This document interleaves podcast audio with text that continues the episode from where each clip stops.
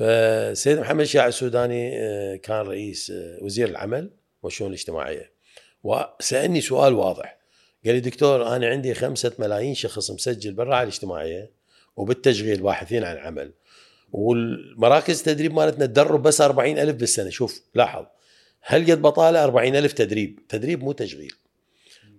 فش نسوي قلت له نروح لهم. قال وين نروح لهم؟ قالوا المدارس قلت له من وده يطلع عاطل عن العمل الخريجين ومشكلتنا بالخريج إحنا. اي بالنسبة للقروض. القروض إحنا من 22 إحنا قعدنا بالمصارف وأني أضمن لكم بعد عشر سنوات لا تبقى وظيفة حكومية.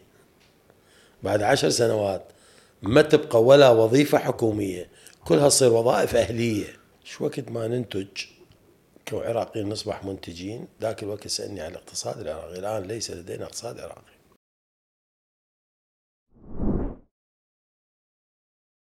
أهلا بكم البودكاست تجارب أتصور أني مثل هواية من أصدقائي آه، قعدنا بأحد أيام الشهر الثالث من 2023 آه، وتفاجئنا صراحة من شفنا رئيس وزراء محمد شيع السوداني واقف على منصة ودي يحكي عن مبادرة أطلقتها الحكومة آه، لدعم الشباب الباحثين عن العمل عن طريق توفير لهم التدريب والتمويل اللي يساعدهم على إطلاق مشاريعهم سميت هذه مبادرة ريادة. وجت كل شوية أسئلة ببالي مثل ما اجت ببال هوايه من الشباب أولها هي شنو هذه المبادرة؟ شنو أهدافها؟ شو وقت راح نشوفها تتنفذ؟ من تتنفذ إيش قد كمية الشباب اللي راح آه، تضمها وتحتضنها؟ آه، وهمينا إلى أي حد راح توفر الدعم لذول الشباب وبأي طرق؟ آه، وهمينا بسؤالين كلش مهمات برايي ليش أطلقت هذه المبادرة؟ وليش هسه آه، خصوصا من اللي عشرات السنين نشوف آه، ناس تشتغل وتدعم موضوع آه، دخول الشباب وانخراطهم بالقطاع الخاص بس هسه إلى أن شفنا جهد حكومي بهالحجم وبهالاهتمام دي يصير ويخصص اتجاه هذا الموضوع. كل هذه الأسئلة ما شفت شخص كفؤ أكثر أنه يجاوبني عليها غير الشخص القائم على هذا البرنامج اليوم ورئيسه الدكتور حسين فلامرز. محادثتنا اليوم ويا حسين فلامرز راح تتطرق لكل هذه المواضيع بالإضافة بالتأكيد إلى تجاربه الشخصية آه، بالعمل معه والعمل بالحكومة آه، رأيه بالدور الحكومي اليوم آه، لدعم الشباب بشكل خاص ودعم القطاع الخاص والاقتصاد بشكل عام. وهمينا برأيي اليوم شنو الأثر اللي تركته هذه المبادرة بعد تقريبا سنة من إنشائها وشنو المقارنة هاي بين الأثر الموعود بيوم الانطلاق والأثر اللي نلاحظه اليوم؟ وش وقت بالمستقبل راح توصل إلى التساوي بالأثر الموعود إذا هي ما وصلت لحد الآن؟ هواي من المواضيع اللي أنا كلش فرحت آه، بنقاشها وكلش فرحت باستضافة الدكتور حسين بنفسه كونه ضيف دا يعمل ويا الحكومة ويقدر يمثل لنا الجانب الحكومي آه، بشكل لطيف وسلس وهذا الشيء إحنا آه، ما نشوفه بهواي من ضيوفنا لأن أغلبيتهم بطبيعة الحال من القطاع الخاص. بس قبل ما نبدي بهالحلقة أريد هواي أشكر شركائنا بشركة Qi، Qi هي شركة رائدة بمجال الدفع الإلكتروني بالعراق سواء عن تصديرهم لبطاقات مثل ال Qi Card وال Mastercard أو عن طريق توفيرهم لمختلف الخدمات والمنتجات المالية لأكثر من 7 مليون زبون عراقي لهم بشكل يومي فقدرت Qi أنه تطور من هذا السوق بشكل جذري بالعراق. كذلك شركائنا بهذه الحلقة هم Business Avenue. Business Avenue هي مجموعة من المكاتب ومساحات العمل وغرف الاجتماعات اللي توفر بيئة هادئة ومناسبة لإتمام أصحاب الشركات وحتى الأفراد لعملهم على أتم وجه. آه، عندهم فرعين ببغداد واحد بالانبار وواحد بالبصرة همينة. رعاة هذه الحلقة هم منصة جني آه، منصة Digital Zone شركة United Sections ومنصة مسواق. هسه أترككم ويا حلقة وإن شاء الله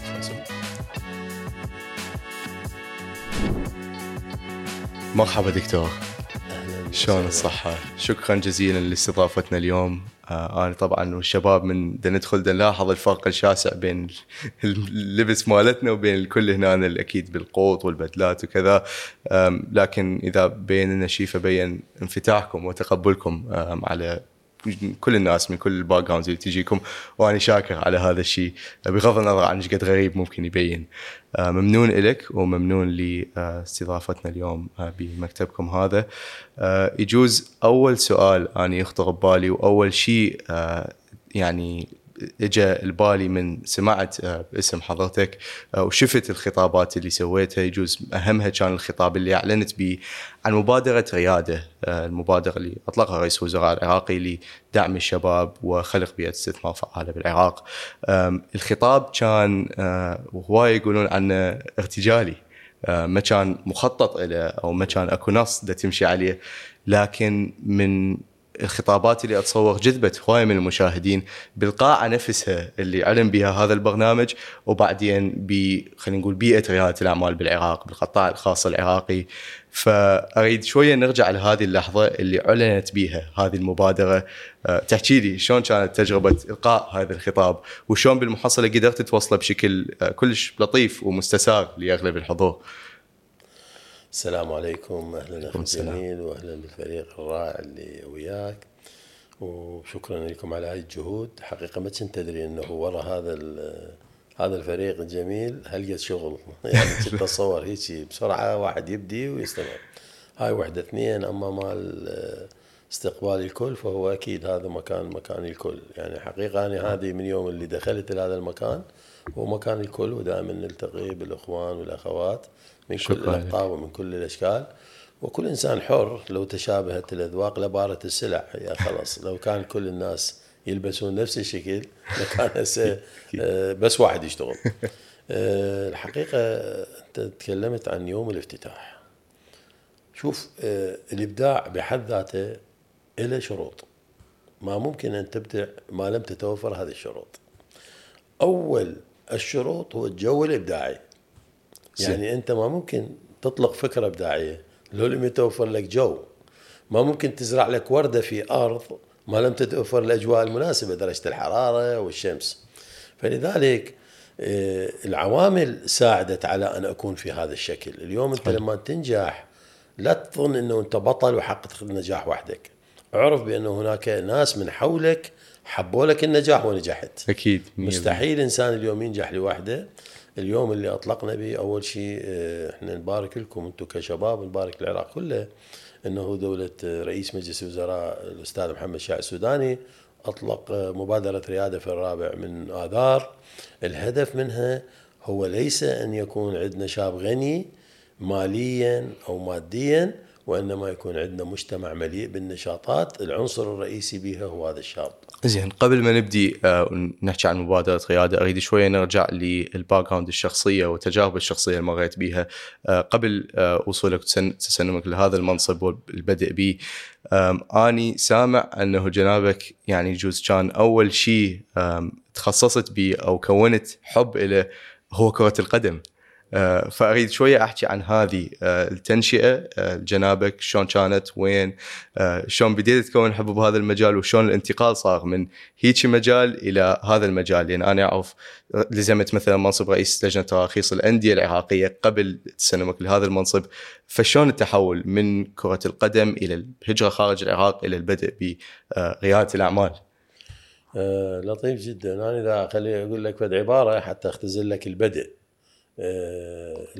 الصين الصين آه، تعرف مليون و400 مليار و400 مليون. هذول ما ممكن يوفرون عمل لكل المليون و400 مليون.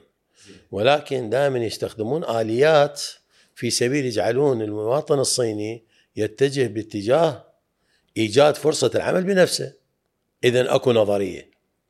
كل شيء أكو نظرية اذا يوجد لها تطبيق ولا يوجد تطبيق بدون نظرية. بس أعطيك الفكرة. إحنا من كنا أطفال وأنا من مدينة الثورة في بغداد آه ما كان عندنا غير بس كرة القدم. تلفزيون ماكو. فكنا نلعب باليوم عشر ساعات طوبة. فاحترفنا الطوبة مو لأنه نحبها احترفنا الطوبة لأنه صارت الجزء الأكبر من حياتنا. يعني أبوي وأمي يشوفون باليوم نص ساعة بس الطوبة اشوفها باليوم عشر ساعات. فصارت كرة القدم هي المهارة اللي إحنا كنا بالمدرسة أهلنا يلبسونا حلو ويعطونا مصرف وما نحب نروح المدرسة. وبالطوبه يضربونا شلاق ويجرحونا ويوقعونا ونروح ثاني يوم نلعب طوبة. اذا الرغبة أساس كل شيء. إذا توفرت الرغبة توفر النجاح. فكرة القدم صارت جزء من حياتي واستمرت معي في الإعدادية وفي الجامعة ولعبت دوريات في العراق ولعبت في لندن أيضا وفي النرويج.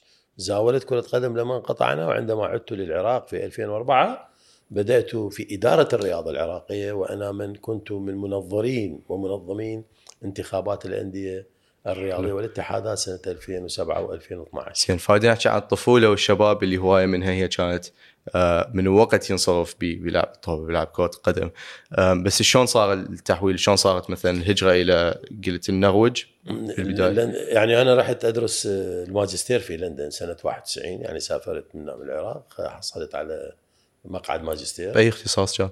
هندسة ميكانيك أنا مهندس أي وأعمل في الاقتصاد والتدريب والتنمية البشرية وأعشق الرياضة بس قل لي إيه. قل لي بمن عندك أكثر شيء خبرة أقول لك بالرياضة إيه. ليش؟ إيه. لأنه مارستها تقريبا 50 سنة آه، حلو. 30 منها كإدارة و20 منها كلعب افتهمتك. فتخصصت أخذت البكالوريوس بالهندسة الميكانيك. جامعة التكنولوجيا سنة 86 حلو. بعدين أخذت الماجستير من لندن. ما أخذت الماجستير رحت إلى لندن في سبيل أن أدرس الماجستير. زين. ولكن بسبب الأحداث هنا بالعراق كانت حزينة بالنسبة لنا. يعني فقدنا من عوائلنا آه، يعني بعض الأفراد فأصابنا الحزن. والإنسان من يصيب الحزن تسيطر عليه الكآبة فيبدي ينظر للحياة بصورة سوداء. فتركت الماجستير ورجعت ولكن بعد ما م. سافرت مرة ثانية ورحت للنرويج بديت درست في النرويج آه، آه، دبلوم متخصص آه، في هندسة الميكانيكية في جامعة التكنولوجيا النرويجية. حلو. ومن ثم سافرت إلى لندن وأكملت دراسة الدكتوراه في أوك. الهندسة الميكانيكية. في الهندسة الميكانيكية. هاي يا سنه نحكي هاي سنة السفر 2000 كانت.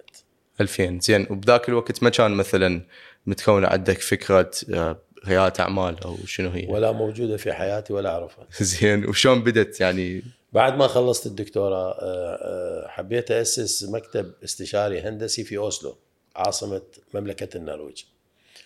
فاتصل بي أحد الزملاء الله يرحمه الدكتور عبد الحسين التميمي وقال لي دكتور أكو هيك دورة اثنين كان عندنا خطة كانت سنة 2003 نهاية 2003 قال إحنا عندنا يعني رغبة بالعودة لها للعراق. وإحنا بالنرويج. قال لي دكتور أكو دورة هاي الدورة تعلمنا شلون نأسس مشروع بناء على الخبرات اللي نحملها. مم. فقلت له والله ندخل. فدخلنا اثنين. واثنين قررنا العودة ولكن هو استشهد بعد ما اشتغل في إحدى مستشفيات بغداد تم اغتياله. فأني كان هنا الرسالة أترك وأترك العراق وأرجع لو أبقى عهدي إلى أخي عبد الحسين التميمي اللي استشهد. نعم. فالحمد لله والشكر. اختاريت البقاء واستمريت. زين. وكانت هاي الدورة هي البدء عندي في النرويج. هي اللي غيرت حياتي. اللي هي دوره كانت عن شنو عن, ريادة. عن رياده الأعمال يسموها في النرويج يسموها ابتكار الأعمال زين آه، فدخلت اني للدورة وبديت آه، مع المتدربين ثالث. يوم اجت المؤسسة للد- لتدربنا فهمتك وقعدوا وياي وقالوا لي تشتغل ويانا؟ قلت لهم شو أشتغل؟ قال تصير مدرب حلو. إني ما أعرف أدرب هاي الأمور وهاي اقتصاد. بيك بحيث قالوا تعال شافوا بي التالي أول شيء التنوع اللي عندي أنا بال CV مالتي كاتب إنه آه، سويت فريق كرة قدم وعمري عشر سنوات. يعني بال CV مالتي كاتبها اني زين. ومن تجي تقرأ ال CV مالتي شوف chapter بس بالكرة القدم. okay. و chapter بس بالتعليم وين معلم أنا مدرس يعني. حلو. و chapter آه، مشتغل كمهندس. امم فمن شافوا هاي التنوع وأنا قلت لك آه، آه، فتفضل أكو علي صار ماني برا. إنه دخلت دورات تنموية كثيرة مو تنموية مثلا جو العمل. الكفاءات كيف تدير مشروع كيف تدير مؤسسة. أنا ما كنت أدري إنه الإنسان يعيش بالمهارات وليس بالشهادة. أنا كنت كأي طا... أي شاب من يتخرج يقول أنا عندي شهادة وأنا أعرف كل شيء هو اللي عنده شهادة يعني ما يعرف كل شيء. ليش؟ لأن الشهاده نظريات والحياة ليست نظريات الحياة تطبيق. يعني اليوم النظرية غير التطبيق. النظرية تعطيك شيء مثالي التطبيق بتحديات. والإنسان كل ما يكون عظيم كل ما تحدياته عظيمة. فعاد قالوا لي تشتغل ويانا؟ قلت لهم أنا ما أعرف. قال لي شنو ما تعرف أنت؟ أنت تحكي أربع لغات. يعني أنت هسه وين ما تروح تقدر تشتغل. أنت مهندس أنت مشتغل أنت داير فريق وعمرك عشر سنوات. أقنعوني بأنه أنا أقدر. حلو. فبعد شهر بالضبط شاركت بدورة. وبديت تدرب بيها هذه الدورة. هو أقنعوني إنه أكون معاهم. واللي هي هاي المؤسسه نرويجية مؤسسه للتدريب على ريادة الأعمال. بحته شغلها هي تدريب في المدارس تدريب في مم. الجامعات تدريب لباحثين عن العمل. افتهمتك. إيه، طبعا من هناك الشغل بطريقة الكونتراكت مو مثل هنا يعني مؤسسة حكومية. افتهمتك. فاللطيف وين بالموضوع؟ بعد شهر بالضبط وكان التاريخ يعود إلى 19 2 3 2004 إجاني الشخص اللي اختارني رسم لي درج. زين. رسمني أني بنص الدرج. زين. قال لي حسين أنت هنا. أوكي. أني بنهاية الدرج ما أعرف إيش راح تصير رئيس وزراء. هذا هو اللي يحكي.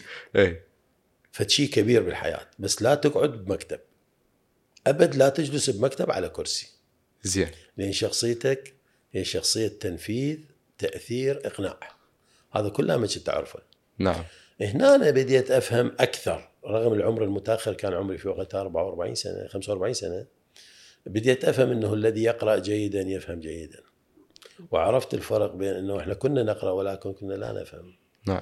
وهناك من قرأ السي في مالتي عشر دقائق وخلاني على الطريق الصحيح. فبديت تعمل بهذه المؤسسة بديت تدرب بيها داخل خلاص بعد النرويج سنة صرت مدير في النرويج. نعم. صرت مدير مشروع في النرويج بعد نعم. سنة. ومن عام 2005 لحد الآن أنا مدير مشروع عبر البحار. يعني سفير رياده عندي شهادة بأنه أنا سفير رياده في العالم من مملكة النرويج. من مملكة النرويج. زين ما بالتدريب مثلا يعيروك بهاي النقطة أنه كنت لاعب كرة قدم سابقا ف بالتاكيد شرح لي. هو بال- من قاعد بالإقناع مالتي آه، أنا كنت ألعب نادي النفط وألعب بالفريق العسكري في القوى الجوية وكذلك لعبت في لندن في نادي الرافدين في لندن ولعبت في النرويج. فهو يشرح لي يقول لي كرة القدم هي عبارة عن إدارة أفراد. وأنت. كل هالافراد اللطيف بالموضوع إنه كلها قوميات مختلفة. يعني أنت ما رحت على شريحة واحدة ونجحت بها. لا أنت وين هنا لعبت هنا هذا الكلام دي يوعيك يخليك أنت تراجع. وأعظم شيء هي المراجعة. لأن أكو مقولة تقول أي عمل بدون متابعة هو جهد ضائع نعم. يعني أنت ممكن نجحت من السادس بس ما راجعت نفسك شلون نجحت. يجوز عثرة بدفرة. مم. بس من تراجع نفسك شلون نجحت من السادس شوف انت حققت 90 بالرياضيات. 90 بالفيزياء راح تقول أوه هذه شخصيتي علمية. اي أو حققت كذا كذا في الاحياء إحنا عندنا درس من الحيوان. بعد. تقول أوه أنا شخصيتي طبيه وهكذا. فشفت أنه بالعكس هي هاي التجربة السابقة بالرياضة لعبت بصالحك مو فشي كان لا أصلا أنا تعرف أنا من المدرسة الألمانية، المدرسة الألمانية تختلف عن كرة القدم الأخرى كلها إنه الهدف عندما يسجل تبدأ الهجمة من الخلف وهذا. معناه كبير. لذلك دولة رئيس الوزراء عندما أطلق مبادرة ريادة أطلقها نحو مجتمع ريادي.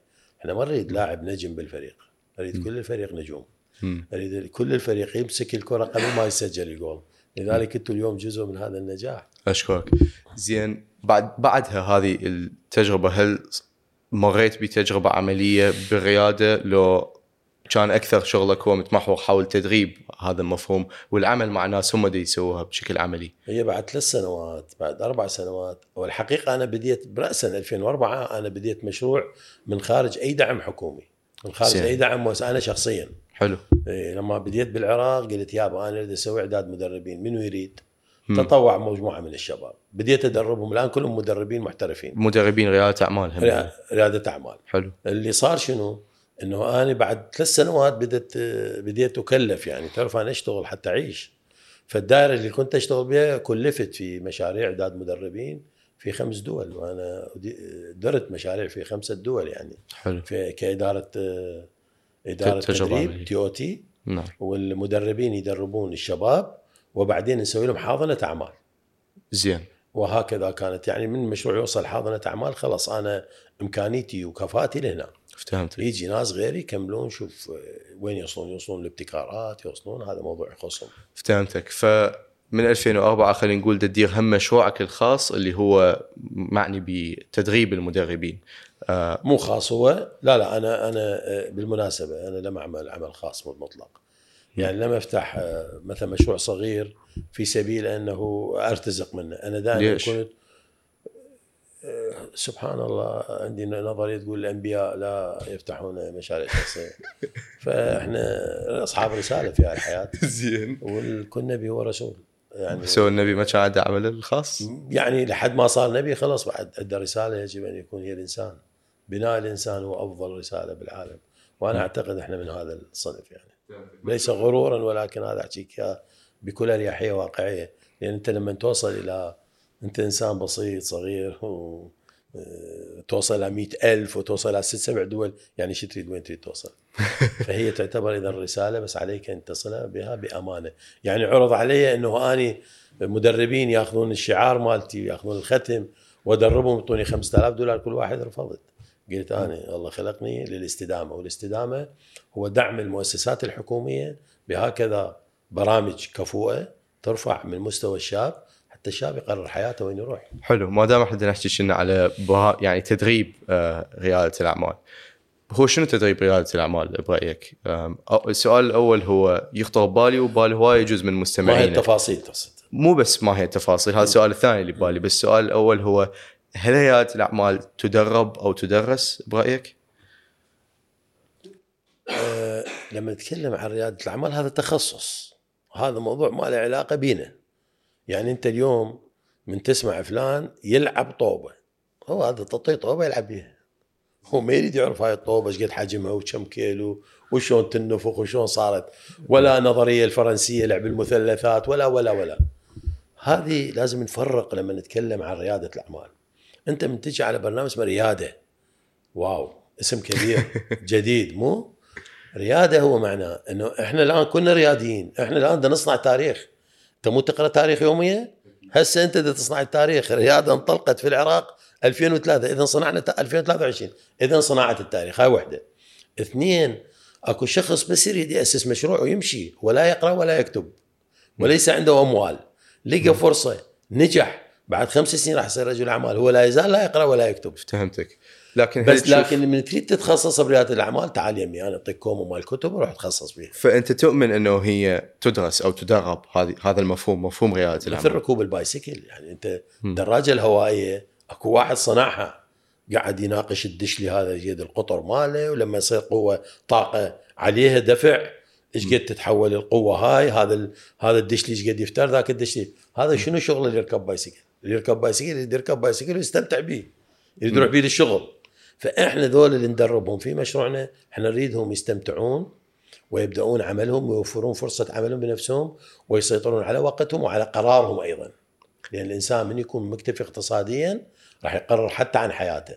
هذا أما اللي يريد يصير خبير في الريادة لا ذاك الوقت راح نقول له أكو كلية اسمها الإدارة الاقتصاد بها قسم التنمية البشرية بها فرع ريادة الأعمال روح ادرس بها شتان ما بين ان تكون متخصص وبين ان تكون جزء مثل المعركه المعركه بها قائد واحد بس بها ألف جندي. فالرياديين هم جنود. فأنت تشوف أنه هي تدرب. بالتأكيد هي جو. تدرب. okay. تستنشقه تتنفسه والزفير مالك هو المخرجات. okay فهمتك. لكن ما تشوف مثلا أنه كل ريادي والفكرة اللي يبدي بيها والقطاع اللي يبدي بيه والطريقة اللي راح يبدي بيها. يعني يجوز هواية من الناس اللي يسمعون هسه يقولون أنه الموضوع كلش بيه هواية متغيرات إلى درجة أنه هو ممكن يدرس بشكل عام لأن بالمحصلة ماكو تعميم تقدر تسويه على أي رائد أعمال لو أنا غلطان برأيك. لا بالتأكيد اللي كلمته بس أنا يمكن في حوارنا الجانبي تكلمنا عن الإنسان. نعم. أنت ما ممكن تزرع شيء هسه أكو الزراعه المائية صح؟ اللي ما نعم. تحتاج تربة تزرعها بالمي نعم. هم أكو شيء أنت زرعته به. الري... الري... الرائد من هو الرائد؟ وهذا السؤال. الرائد هو الشخص اللي عنده رؤية ويريد يحققها من خلال خطة ولكن هاي التحديات مالته عظيمة. مثل ما إحنا الآن إحنا بادين ريادة والمنافس مالي الرعاية الاجتماعية. الرعاية الاجتماعية يعطيك راتب بدون ما. تسوي شيء فهمتك تشوف المنافس مالتي إيش شرس؟ وصلت. فإذا أنا عندي تحدي فوق العادة. وصلت. راح نحكي بهذا الموضوع. ما دام إحنا ثبتنا على إنه اي الرياده ممكن تدرس. برأيكم هو شنو المفروض يدرس بالرياده أو شنو أنتم اللي تدرسوه آه، برياده الأعمال؟ إحنا ندرب. أو خل... مواصلين مرحلة التدريس. كتدريب ومو بس ضمن هذه المبادرة إذا نحكي يعني بذيك الفترة 2004 فما بعد داخل العراق شنو كنت تدربه لرواد الأعمال؟ هو هذا اللي إحنا اللي أحب أنا أتكلم. به شوف اليوم كل كل مساحة عمل لها آه، مثل ما تقول حدود. نعم. أنت من تروح إلى تكون رائد في كرة القدم اذا إبداعك كان في ساحة الملعب. أو أنت كقائد عسكري أنت صرت في حرب اذا الملعب مالتك كان ساحة الحرب. وهكذا تصنف الأمور. نعم. وأنت مع انت تكون رائد في الكيمياء إذا الساحة مالتك هي المختبرات اللي أنت من خلالها. إحنا في ريادة العراق ساحتنا ذهن الإنسان. زين. ذهنه منطقة تفكيره. زين. شلون؟ أه شلون؟ أول شيء عادة الثقة. أوكي. بأنه كل حاسة عندك سمعية بصرية نطق ذو تذوق. هي كلها حواس اللي استثمرتها سوف تنتج شيئا ما. وهذا من خلال التدريب ها. مم. يعني هذا بال- بالعملي. يعني تشوف أنه الإنسان من قاعه ما عنده ثقة أنه معلوماته حتى عقله ممكن يستغله حتى يطلع قاعد- فلوس. قاعد ببيت وعنده شارجر ويروح يقعد بالقهوة يوميا. وعنده لابتوب يخبر والتليفون ب 18 ورقه يقول ما عندي شغل. بعد شنطك حتى يصير عندك شغل؟ اي فهمتك. فمن هذا المنظور. انه إحنا إحنا نخلي إحنا نخلي بالتدريب مالتنا نخلي الإنسان هو يقول اني صح لو خطأ. يعني في اليوم الثاني والثالث يبدي يلت- يتلفت يقول هاي شنو؟ صدق؟ يبدي يغير الخريطة مالته. كل ما هنالك إحنا نقول للصغار للآخرين قد يغنيك الكثير قد يقصر لك كل الطرق فلذلك إحنا ببساطة أقول لك إياها إحنا في تدريب ريادة نعطي للشخص باكج منظم بطريقة جيدة لا يحمل علوم صعبة وصلت وهي تناسب الذي لا يقرأ ولا يكتب. وحامل شهادة دكتوراه هو إحنا راح نحكي عن رياده بالاخص بس هو اريد اتوسع بموضوع رياده الاعمال وتدريبك لرياده الاعمال بشكل عام. حكينا هسه عن هاي أول نقطة اللي هي وانت المشكلة إذا تسأل واحد على حبيبته راح أظل أسولف لك ثلاث أيام أربع أيام.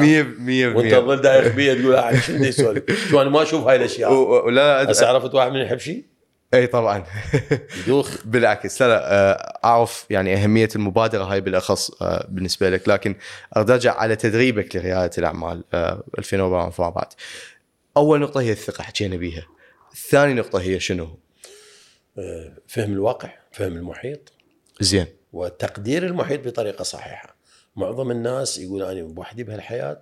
مع العلم هو من يقعد يأطر بالورق راح يشوف مو بوحدة بالحياة الدليل على هذا الآن أني وأنت ودولة رئيس الوزراء والمراكز التدريبية والجامعات والمدارس ومنتديات الشباب والناس اللي يشتغلون كلها بخدمة هذا الشاب اللي يقول أنا وحدي وين فرصة العمل؟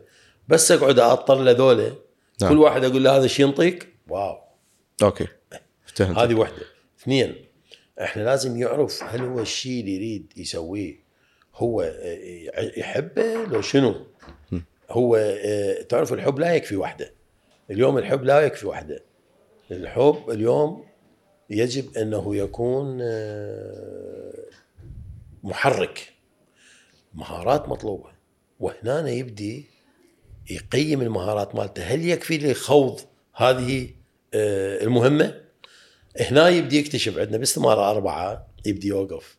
يقول واو أنا محتاج فلان شيء وفلان شيء قبل ما فهمت. لذلك في ريادة العراقية. أهم شيء هو تجنب الفشل قبل ما نبحث عن النجاح. لأن تجنب الفشل يقلل اليأس يقلل الكآبة يبعث على الأمل والإنسان بالتجارب يبني ذاته. وأبد لا تقول أني انتهيت. قول أنا على أعتاب بداية جديدة. فهسه حكينا عن أول نقطة تدربوها عادة برياده الأعمال اللي هي الثقة، ثاني نقطة هي أنه تبين له انه الشخص هو مو وحده أو أنه أكو داعمين له، آه، بغض النظر بغض النظر عن مبادرة رياده اليوم لكن هو بشكل عام تدربون رياده الأعمال فتريدون تبينوا له هاي النقطة، والنقطة الثالثة هي شنو؟ تجنب الفشل؟ رأيك؟ هذه هذه الأساس تجنب نعم. الفشل. نعم. الأساس. بس هو راح يكتشفه وين؟ راح يكتشفه بخلال الاستمارات. إنه بخلال الاستمارات راح يوصل مرحلة يقول أنا كنت أظن إنه أنا أعرف كل شيء. طلعت أنا ما أعرف ولا شيء. يعني الكفر الشكل شوف نعم. نعم. كل عمل بشكل ومضمون. الشكل دائما يخدع. المضمون دائما نبحث عنه. إحنا ما نريد لا نخدع ولا نبحث عنه. إحنا نريد نمزج الشكل بالمضمون. هو لابس حلو حكي هم حلو. شلون يصير حكي هم حلو؟ لما يجي يتدرب على ناس عند ناس جديرين بالثقة. وينطوه المهارات اللازمة حتى مضمونه يشبه شكله. okay okay تمام. ف فهي ثلاث نقاط أساسية تدرسوها بريادة تدربوها بريادة الأعمال. okay. زين شلون بالإضافة إلى الأمور الرقمية طبعا حسابات وما حسابات هاي تحصيل حاصل افتهمتك. وهل أكو جزء يعني جنابك مختص به من تدرب لو كلها هي اختصاصك تقع ضمن اختصاصك؟ يعني هل أكو جزء يخصص لك يقولون okay هذا الجزء يجي الدكتور حسين بي لو كل هاي الأجزاء هاي الثلاث أجزاء كلها بالإضافة للاجزاء الرقمية هي اختصاصك. لا هو الحقيقة البرنامج اللي أنا أشتغل به يعني يعني full package كله. مو من مو بس هذه المادة. مو أنا عندي أربع level ات عندنا زين. level التدريب ال certified trainer مدرب معتمد هذا اللي يدرب ريادة. بعدين يجينا level اسمه mentor 1 mentor 2 و senior trainer هذني level ات أنا ادربهم كلهم طبعا. افتهمتك. هسه هاي حكينا حكينا عن خلينا نقول ما قبل الرياده وأساس تدريب رياده الأعمال. شلون يكون شنو الأجزاء مالته؟ ظليت من 2004 إلى حد إيش قد أه، تشتغل بت- لحد لحد الآن تشتغل ضمن هذه. المنظمه النرويجية على تدريب رياده لا. هلا الآن يعني من يوم استلمت بعد برياده يلا يلا يكفي. بس الاستعانة بي لإداء بعض الواجبات. نعم. عبر البحار هذا مطلوب لأنه أنا كنت مدرب في إحدى الورش في إحدى الدول وإحنا كنا أربع مدربين أجانب آه، فكان يعني نقاش هل هذا البرنامج مفيد أو مو مفيد من دولة معينة. وبعد ما انتهت ال- الاجتماع وهذا صار اجتماع على مستوى وزاري بحيث يتناقشون نمضي أم لا نمضي. فيعني هو ليس غرورا ولكن لما جوي للاتفاق قال إحنا نشرط بأنه الدكتور حسين هو من يدرب مدربينا لأنه نحت- نحتاج مدربين من هذا النوع. عاد كلمة النوع إيش كانت تعني؟ هي هاي اللي لا يمكن أن تفسر. أوكي آه، اليوم التدريب آه، صدق. إذا أنت تدرب شيء لا تمارسه في حياتك فابتعد. يجب تشيل الدربه، الموضوع للدربة يجب أن تطبقه في حياتك نقطة نقطة. الصدق أساس كل شيء، قد تتعجب تسمع مني الكلام هذه المفردات أنا أنزلق بها لمتدربي دائما لأنه آه، إيقاظ الش- الشعور النبيل عند الإنسان، تعرف كلمة نبيل تعطي معاني كثيرة. بالنسبة إن لما نتكلم عنها بالعامية النبيل شيء جميل ولكن نبيل يعني الخامل بالكيمياء. والنبلاء اللي كانوا حول القياصرة كانت لهم كروش كبيرة. سببها شنو؟ كانوا نبلاء، كانوا يأكلون ويشربون ويصحون موافق. الشعور النبيل عند الإنسان آه، قوي جدا. أنا من النوع في تدريبي أوقظ ذلك الشعور وأحوله من النبيل إلى الشعور بالنبل.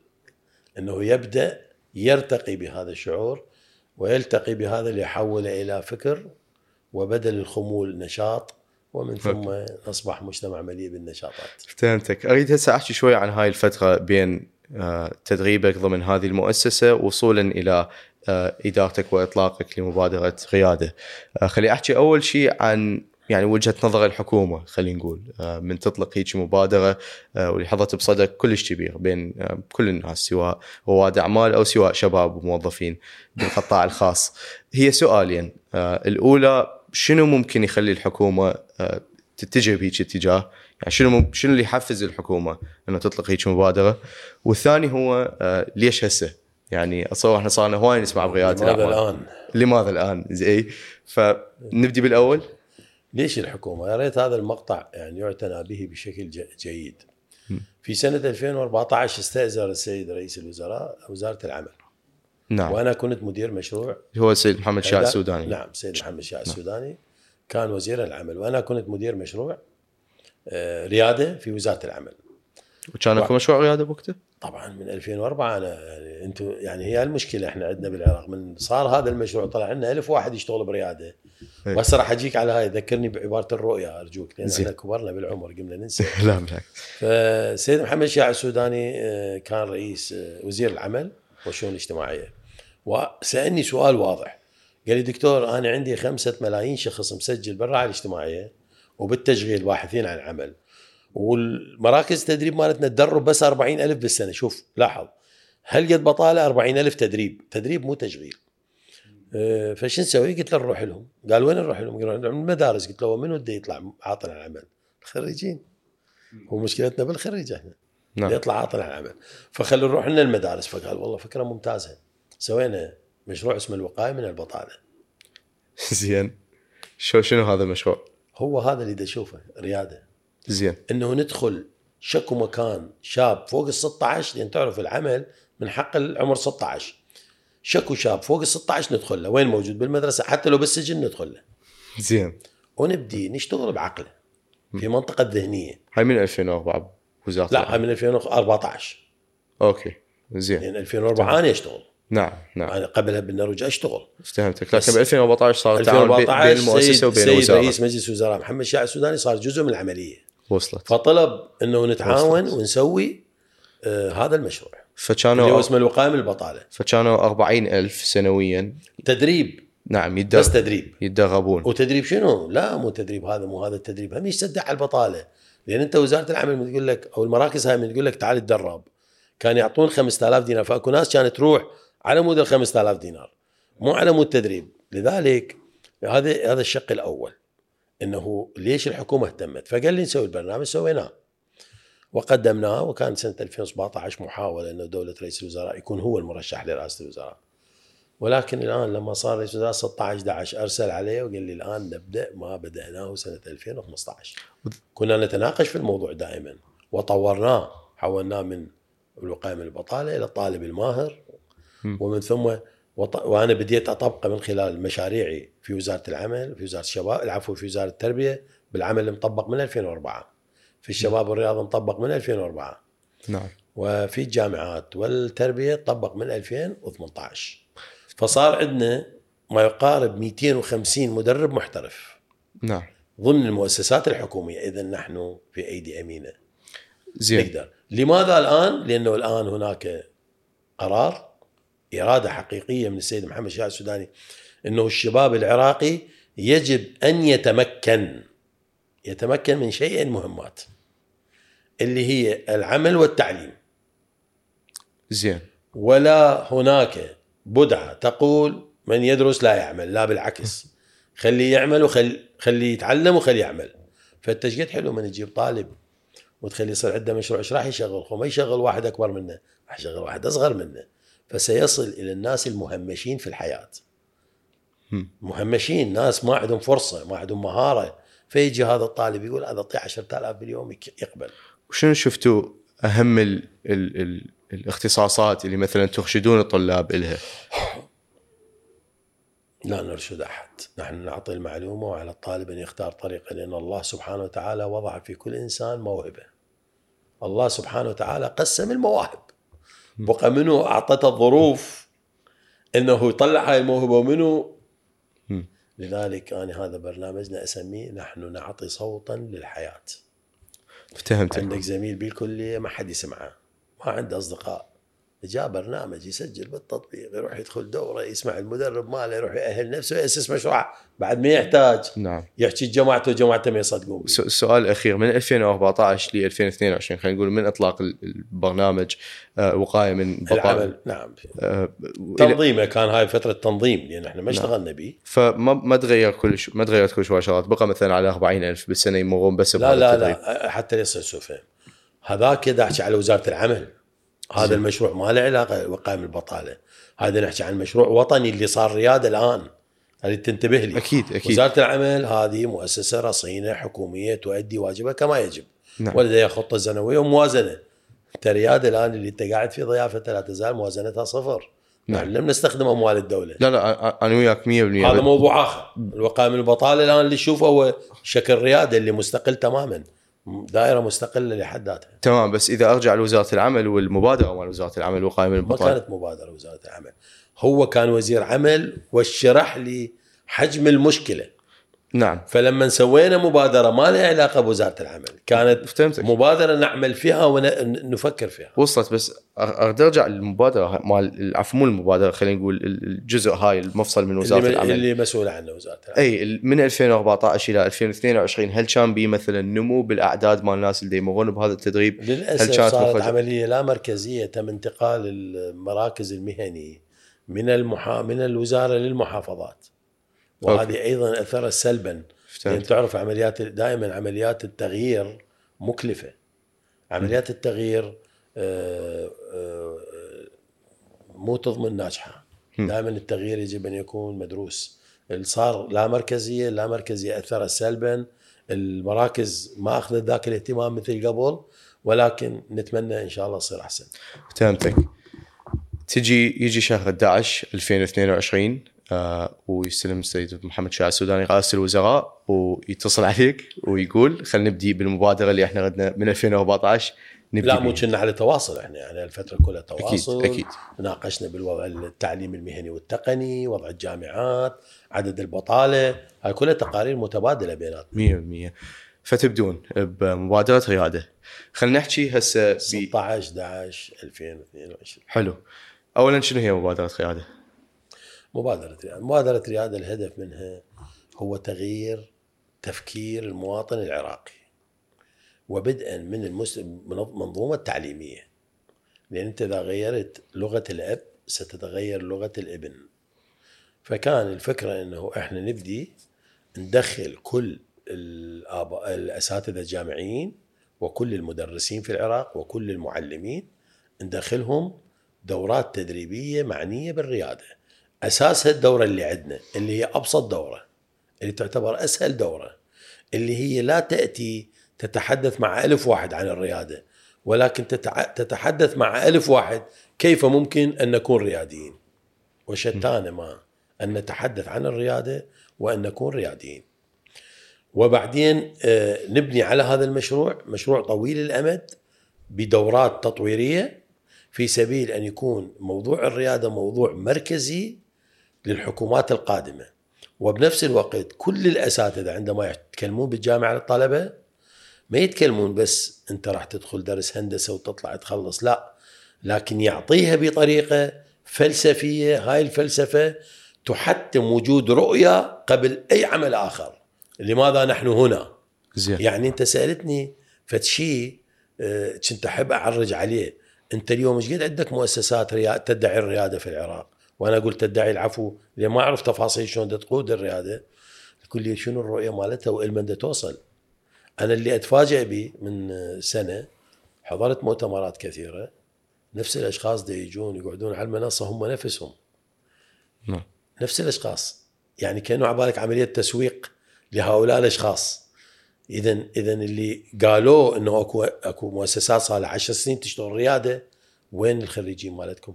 باعتبار عدد الخريجين مالتهم 100 أو آه، 200 أو 500 وأنا أتكلم عن زراعة الأرض وسماتها بالريادة. وهنا قلت لك الفرق بيننا وبين لما أقول لك 250 مدرب إحنا واصلين 70 ألف متدرب.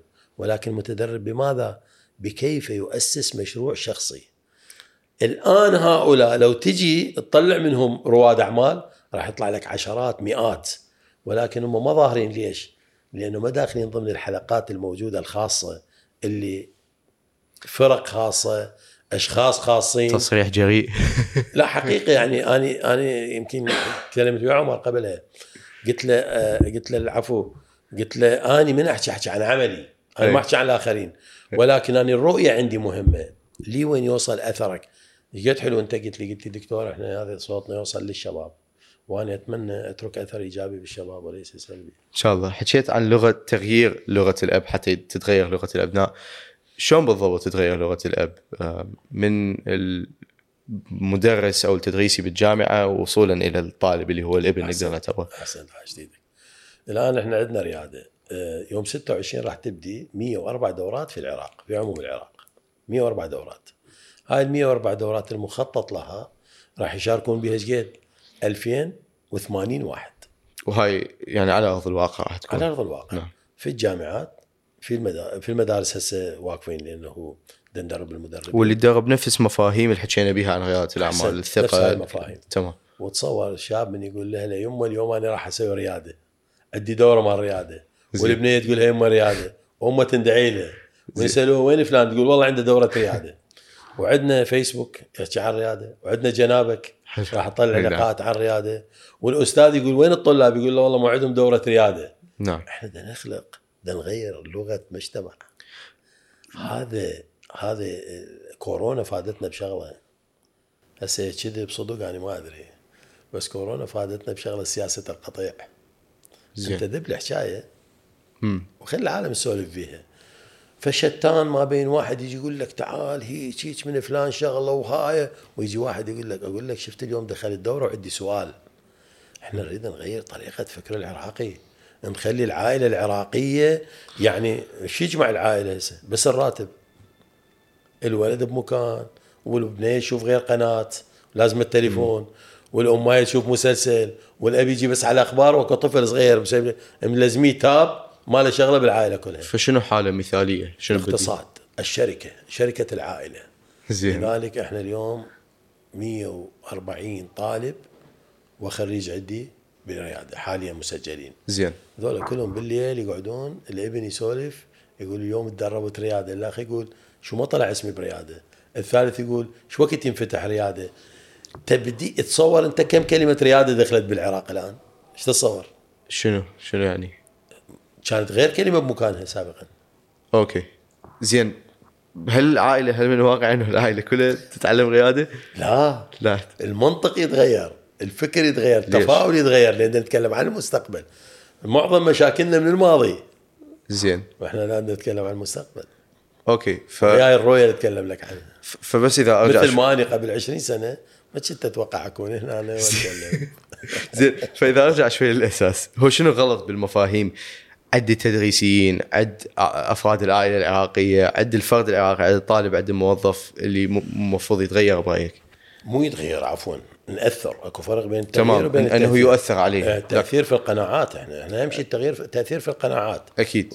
حرام نغير قناعات 100% بس تتحمل مسؤوليته خطيه بس شنو تسعون إنه تغيروا شنو أوتاد عندنا أوتاد هنا موجودة بالرأس. صعب ما تطلع. كل واحد عنده شوف خل أقول لك شغلة واحدة بس خليها ببالك هاي واسمعوها مني. معظم المشاكل بالعالم هي مشكله كلتشر مشكله مشكله ثقافية. الناس يتصورون إنه المشاكل سببها نقص المعلومة أو فلان ما متعلم زين لا لا. الاختلاف الثقافي هو سبب المشكلة الرئيسية. شوف أمريكا وروسيا رغم حرب أوكرانيا يقعدون بالاجتماع مال الاقتصاديين العالم. زين. الاقتصاد يجمع. إحنا نريد العائلة العراقية تعيش حالة سعادة. واحدة منها حالة السعادة هو التحدث عن المستقبل وكيفية بناء المستقبل ومن أين نبدأ. وهذا ما ممكن يحدث إذا الولد والبنت يعني الأولاد بالعائلة ما يكونون سعداء. الأب والأم همهم وغمهم ابنهم يصير أحسن منهم. فإحنا بدنا نقول لهم تدريب محضرين بأفضل مكانات تحصلوها نساعدكم في حضور هذا التدريب. قرض موجود حاضنة موجودة. وإحنا مستمرين وياكم عشر سنوات. هنياله اللي يجي له واحد عشر سنوات يجريده بس هو شنو بالضبط الغلط بالطريقة اللي نفكر بيها يجوز؟ أو مو إلا الغلط بس المفيد قد يكون إنه يؤثر عليه. يعني شنو شنو ال- ممكن تسعون إنه تأثرون عليه؟ ش- يعني أحسنت، أحسنت. اكو أكو أساس فشي غلط خلينا نقول الافتراض صح، هو. صح، صح. فشنو هو هذا؟ صح نوبات الغ... شوف إحنا عندنا مثل يقول لا تستحي ارجع إذا ما قدرت. زين. يقول لا تخجل من العودة. نعم. من يشوف الطريق صعب.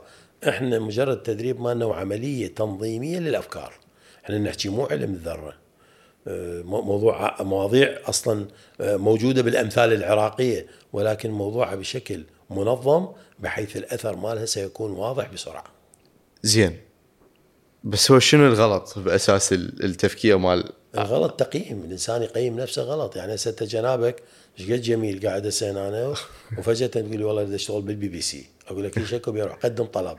من تجي تناقش انت حتى توصل بي بي سي يطلع لك ال rate كذا وكذا وكذا طبعاً، طبعاً. هذا اللي إحنا نحاول نقصر له الطريق. هو محتاج كذا ياخذه من فلان مكان.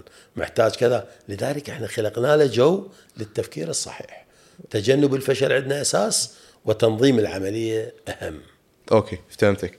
فمبادرة رياده هسه هي سلسلة من التدريبات وعلى مختلف المراحل هسه بأي طرق تقدم عليه مرحلة أولى هي الأهم اللي. الكل يدخلها أما اللي يريد يتطور يصير عنده ابتكار يصير عنده اختراع عنده مشروع ما مفهوم هذا نحوله للجهات ذات العلاقة حلو يعني فهمت حتى اكو جهات انت سميتها بالبداية بالكلام إذا احتاجينا آه، عونتهم راح كتاب رسمي ندز واحد يقول لي يا أنتم مو اختصاص. تفضلوا هذا واحد هو المدرب ماله وليش هو المدرب ماله؟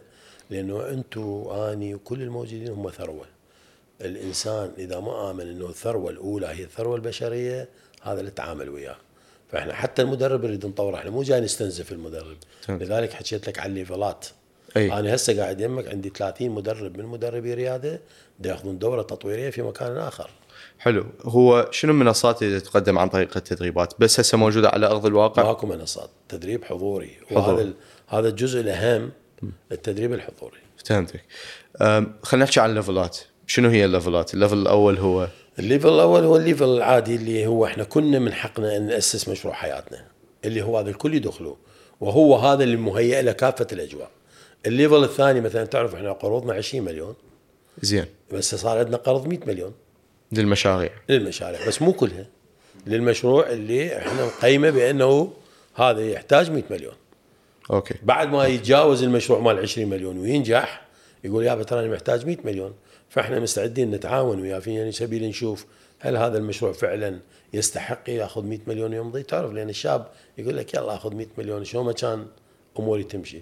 زين. شوف إحنا ترى ما مستعجلين. إحنا عندنا نظرية اسمها نبدا ببطء أكيد. على كيف بدنا نبني بلد إحنا ما بدنا نبني أفراد. زين. فشنو هو المستوى الأول؟ المستوى الأول التدريب business plan development تطوير خطة مشروع. okay. بعدين ال level الثاني هو الحاضنات. يعني إحنا التدريب مالنا ال- هنا شنو اللي شوف أنت من تأسس مشروع كلش سهلة بالبداية. تجيب المفردات تاسسها مو فجأة أوه شنو طلع لي التحدي الأول. هاي التحديات هو ال level number 2 اللي ندرب نسميه تدريب الاستشاري. شلون يحل الأزمات مالته؟ شلون يحل المشاكل بطريقة وطبعا بموادنا إحنا بمواد نفسها مواد ريادة اللي ريادة حصلت عليها كامتياز. حلو. فبعد ما الشخص يأسس خطة لمشروعه يروح ال level كامل هو حتى يساعده بتنفيذ هذا المشروع على هذا هذا موجود start up إحنا نسميه. خلاص يأسس. يأسس. من يصير عنده مشاكل عندنا level ثاني. استشاري. هذا مو الكل يجوا هذا اللي يريد. أكو أحد اجى لحد الان لو هو بعد أصلا ما لا إحنا بعدنا ما. منطين قروض بعد بعدكم بعد الخوض. نتكلم يا ريت تسالني على حتى نتكلم حلو. أكيد راح نحكي عنها. هسه هذا ال level الثاني الثالث والرابع شنو هم لو الثالث همين level آخر. أنت مو تكلمنا هنا عن ال البدء start up اكو من يساعدك. نعم. وراء بعدين وراء التحسينات المستمرة. زين. لازم تحسن. نعم. تايلر ديمينج إي.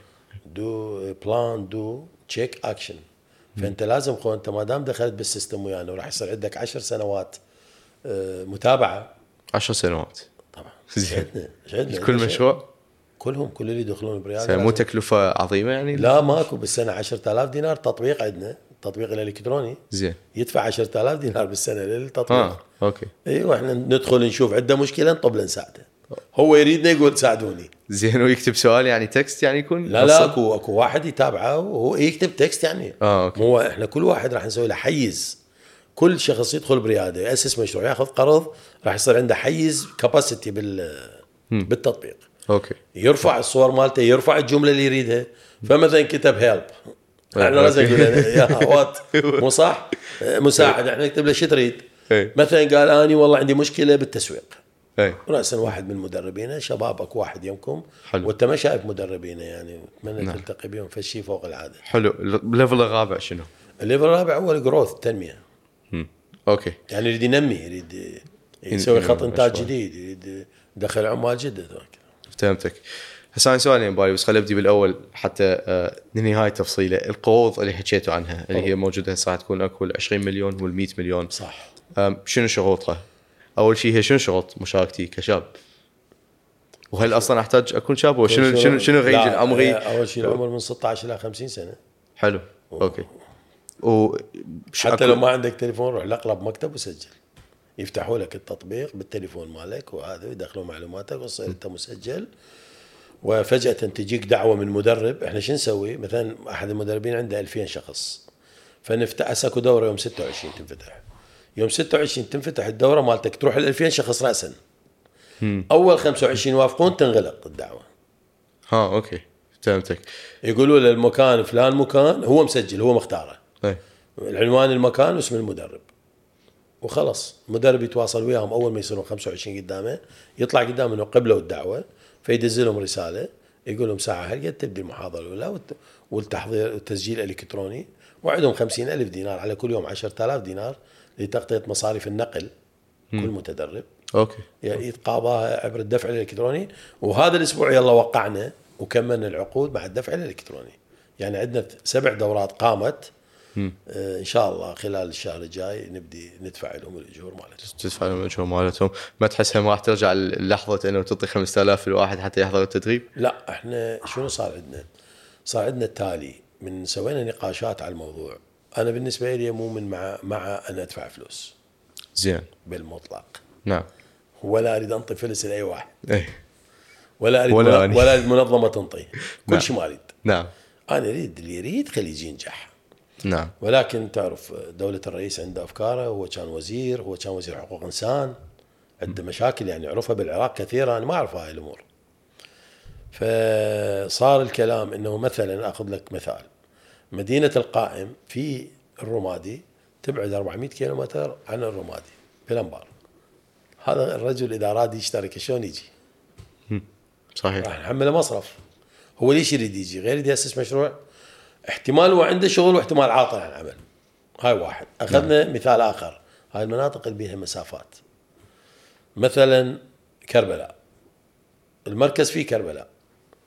والمتدرب في عين تمر 70 كيلومتر. شلون يجي؟ بس خانقين لما ناقشناها أبو خانقين قال أنا راح أفتح مركز بخانقين. ولكن إحنا ما نقدر نقول ننطي هذا ما ننطي هذا وكل مركز هذا متد... مدربين لازم يكونوا مدرب مخصصين. معترف فيه. وقاعة تدريبية جاهزة خلاص. زين كشروط للمشاركة شنو هي؟ ماكو أي شروط؟ 16 إلى 50 سنة. اي أي شخص أي بهالفئه شخص العمريه يقرأ يكتب خريج مهندس ماستر دكتور ومن حقه. فإذا أريد أقدر أفتح التطبيق أسجل؟ هسه حاليا مسدود لأن فتحناه شهر سجلوا 183 ألف. حلو أوكي. wow زين ما شاء الله. بس راح نفتح واحد واحد ليش؟ لأن طلبات هائلة علينا. وإحنا خو ما لازم يعني نعتمد بس على عندنا لازم نفتح من جديد واللي قلت لك أول 25 طبون على التطبيق راح يشتغل فهمتك. آه فأني هسه أقدر أسجل آه. بس الشيء اللي أحتاج أسويه هو إنه مثلا أرفع الهوية مالتي أتصور هو. هوية حتى تعرف لأن أكو POS ودفع إلكتروني لازم أكو هوية إلكترونية وهذه بس أهم شيء تسجل رقم تليفونك موجود يعرفك وخلص مباشرة وصلت ومن أريد أ- يعني يصير لي دعوة للتدريب بس أحضر بأحد ما ما تطلع يقول لك. تحضر تجي هناك كراس قدامك تاخذ قلم وياك لأن إحنا ما حاولنا نسوي ما خلينا صعبة هاي. بالمجالات لعب آه، أوكي. ما خلينا مجالات لعب يعني كل شيء محك- محكم. حلو فهمتك. زين حكينا ما دام إحنا بطاري مثلا مراكز التدريب بس ما وانه كملنا على القروض ها. القروض العفو إيه، خلينا نحكي بيه بالنسبة للقروض. القروض إحنا اليوم 20 يوم 21 لو 20 20 اليوم 20 اليوم 20 11 20 12 من 22 إحنا قعدنا بالمصارف 20 11 البارحة أول بارحة 18 11 جابوا لنا التعليمات النهائية. زين. يعني أخذوا 11 شهر بالرغم من وجود قرارين لرئاسة الوزراء يقول لهم سووا كذا وكذا. لذلك أنت لا تتصور الكل تريد تساعدك حتى تنجح. خلي ببالك. زين. أنت قلت لك العظيم تحدياته عظيمة. ولا من يطب هاي الطبه يريد يدرب الشعب كله؟ فشنو التحديات بالنسبة تحديات للمصارف؟ إنه 11 شهر مصرف حتى يطبق قرار رئاسة وزراء؟ هو لي- ليش بده يتاخرون ما؟ أعرف والله يا ريت يعني. هل هل هؤلاء يعني من يشتغلون هيك شغل هم راضين عن الأموال اللي تقاضوها كرواتب؟ إنه هم جايين هنا في سبيل يمشون يسهلون أمور الناس. ولكن 11 شهر في سبيل وضع التعليمات أنا أعتبرها جيدة نوعا ما. يعني ورغم إنه سلبيتها ولكن جيدة لأنه البدء ببطء يبعد عنك كثير من الذباب. يعني تعرف شهية ها فلوس وقروض. فالقرض 20 مليون فائدة مالته مو فائدة عمولة إدارية 2% شو هاي الفائدة؟ لا الفائدة هي تصعد فوق الأربعة خمسة ستة. أوكي. أنت اليوم من تمام. واحد يريد يجيب لك آه، فد شيء. وصلت. هسه واحد يجيب لك شاي. مو أكو إزاحة زمنية لازم يروح بيه ويجي أكيد. فهمتك. فبس الفلوس هاي لازم. يسوي نعم. موظف. أوراق. وصلت. عملية الجرد استلام الأقساط هاي كلها فلوس. أكيد. من يديها يدوها ناس لازم تدفع رواتبهم. أكيد طبعا وهي 2% 2% مقارنه بالفائده لمدة 10 القليلة. سنوات. أوكي زين. يعني يعني تصور واحد ياخذ 20 مليون يرجع له بالشهر فد 150 ألف يعني نفط. زين. و العفو هنا نقطة كلش مهمة. آه، القرض الآخر هو 100 مليون نفس الشروط. بس شنو تعقيد بالكفالات طبعا بالمناسبة مطلوب كفيل ضامن. في كل القروض مطلوب. في كل. القروض. إي والسبب أنت تعرف يعني آه، هذا مال عام. لا زين يجوز التعامل به بطريقة أخرى. كثير من الناس طلبوا من عندنا يكون ماكو ضامن. الحقيقة هذا كلام مو صحيح وهذا كلام ما يبعث بالأمل لأنه الحفاظ على المال العام هو أول خصلة للمواطن الصحيح. بس ما تشوف هذا شوية شيء بي تناقض يعني وأنا ما أنا شخصيا ما أؤمن بهذا الشيء لكن أعرف هواي من الناس راح يجون يقولون أنه يابا ذولا يريدون الناس يتحولون على القطاع الخاص بس مع ذلك يريدون الابو القطاع الخاص. مو إحنا البنك ما له علاقة به. البنك إحنا من يتخرج من عندنا بعد ما عندنا أي علاقة به. هو والمصرف. لا دولة تنطي قرض ولا إحنا مسؤولين عن القرض. هو مسؤول عن نفسه. خلي ببالك أستاذ كل إنسان يلبس اللي عجبه صح؟ نعم. فكيف أنا اتحدد أتحكم بمستقبل إنسان؟ أنت لما دا اتحكم أنا دا أخلق له فرصة يريد يستثمرها تفضل. ما يريد يستثمرها تخصه. الدولة لي لا تأخذ. بالعكس الدولة العراقية في هذا المشروع لن تعطي ولا قرشا. تنظم العمل. حتى المبالغ اللي ندرب بها هي تبرع من هيئة الإعلام والاتصالات مشكورة. فهمتك. شنو الشروط للقروض؟ الشروط ال 100 مليون بها شروط أكثر الكفالة. يعني كفالة مطلوبة تمام. آه، شوي عالية. ولازم يسوي جدوى اقتصادية عند شركة خاصة في الجدوى الاقتصادية. وكم شركة خصصتوا لهذا الشيء؟ هاي مو شغلي يعني. ابدا أني شوف حتى ما أكون آه، مؤثر في كل الاتجاهات ولا أتأثر بكل الاتجاهات، حاولت أربط نفسي بالعملية الفنية إنجاح العملية الفنية تهيئة اجواءها تصور أنا اثث الف قاعة بالعراق. ألف قاعة راح نأثثها كقاعة تدريبية. أي. شنو السبب؟ حتى لا يقولون أبو المدينة الفلانية يختلف عن المدينة الفلانية. هيئت له الجو هيئت له المدرب وهيئت له الوصول وهيئت له المادة وهيئت له الحكومة وهيئت له المصارف. شو يريد بعد بس باقي يجي خلي الخاشوقة بحلقه وصلت. زين. آه، هسه على القروض اللي تقول انه راح آه، تحتاج كفالة وتحتاج آه، إثبات الجدوى الاقتصادية من قبل الشركة الجدوى الاقتصاديه هاي 100 مليون. هاي بس ال 100 مليون. بس ال 100 مليون. تحتاج جدوى اقتصاديه إيه، هناك لا هناك هو يسوي جدوى اقتصاديه ويرفعها الكترونيا. عندنا هنا عقدة واحدة إنه المصارف تقول شلون إحنا ما متعلمين يجينا كل شيء الكترونيا. إحنا نريد الواحد يجي قبالنا. هاي شوي نتعامل بها الآن يعني هي آخر فقرة وتنحسم إن شاء الله. إنه المصارف تستلم كل شيء الكترونيا. ويحضر الشخص جنابك مرة واحدة حتى يشوفوك يشوفون هويتك هذه. حلو. وبعدين يطلق له لا تنسى إحنا نشتغل start up ها. زين. يعني خطورة يعني مجازفة. نعم نعم أكيد يعني طبعا هي. يعني لكن لكن تقلل هاي الخطورة من واحد ياخذ يعني يجيب كفيل وياه يعني. لا أنا ما داعي شوف أنت فرق أنت تريد تحكي على الأموال سحقا للأموال. أنا أتكلم عن مشروع ها أوكي. إيه أنا أشوف نعم. كم قصة نجاح عندي حتى المشروع ينجح. اما الاموال إيه. فأنت بال... إحنا الآن الحكومة بدها تعطي آه، رواتب 7 تريليون بالشهر. كلها تروح بال بس من راح نشغل ذول الطلاب مشاريعهم الخاصة هاي 7 تريليون راح تدخل في الدائرة المحلية. أكيد. شلون شلون راح تدخل بالدائره المحلية؟ هي تنصرف الدولة يعني أنت من تفتح مشروعين راح اشتري منك. إذا أنا عندي راتب ففلوسي راح تهمك. فهمتك. وهل هدف بالنسبة لكم تقليل هذه هذا الصرف من الحكومة على الرواتب؟ يعني هل فشي أنتم تطمحوا له أنه تقللون من موظفين حكوميين؟ الهدف الرئيسي للحكومة هو توجيه المجتمع باتجاه القطاع الخاص. وإحنا بدنا نقول للشخص شنو تريد تشتغل بالقطاع؟ يعني مثلا أنت هسه من تجول ببغداد كم مجمع سكن ياكو ينبني؟ هواي هاي كلها محتاجة شركات صغيره ناس على المياه ناس على الكهرباء ناس على الشوارع نظافتها ناس صحيح. على نصب التبريد تمام ولا لا؟ صحيح الشباب إذا نايمين منو راح يسوي ذني؟ راح تجي شركة أجنبية ليش ما شبابنا إحنا نمكنهم ويسوون شركاتهم ويبدون يشتغلون حلو شو وقت مو كلها تشتغل تطبيق كلها صارت تطبيق صحيح إيه. صحيح زين آه، شو وقت تتصور راح تكمل هاي الأربع مستويات؟ أكو موعد حاطين ببالكم لو وحتى لا لا إذا ما له علاقة أربع مستويات. احتمال نبقى بالمستوى الأول. إحنا يعتمد على المستفيد نفسه. م. إحنا ما جاي نطبق أربع أنا مو قلت لك. م. أنت تريد تصير خبير بالرياده راح أجيب لك كتب روح اقعد اقرأ بيها. إحنا بدنا نطبق للناس اللي يريدون يشتغلون. الريادي مثلا أنت راح يصير عندنا إن شاء الله مؤتمر. هذا مؤتمر يجون به الكل.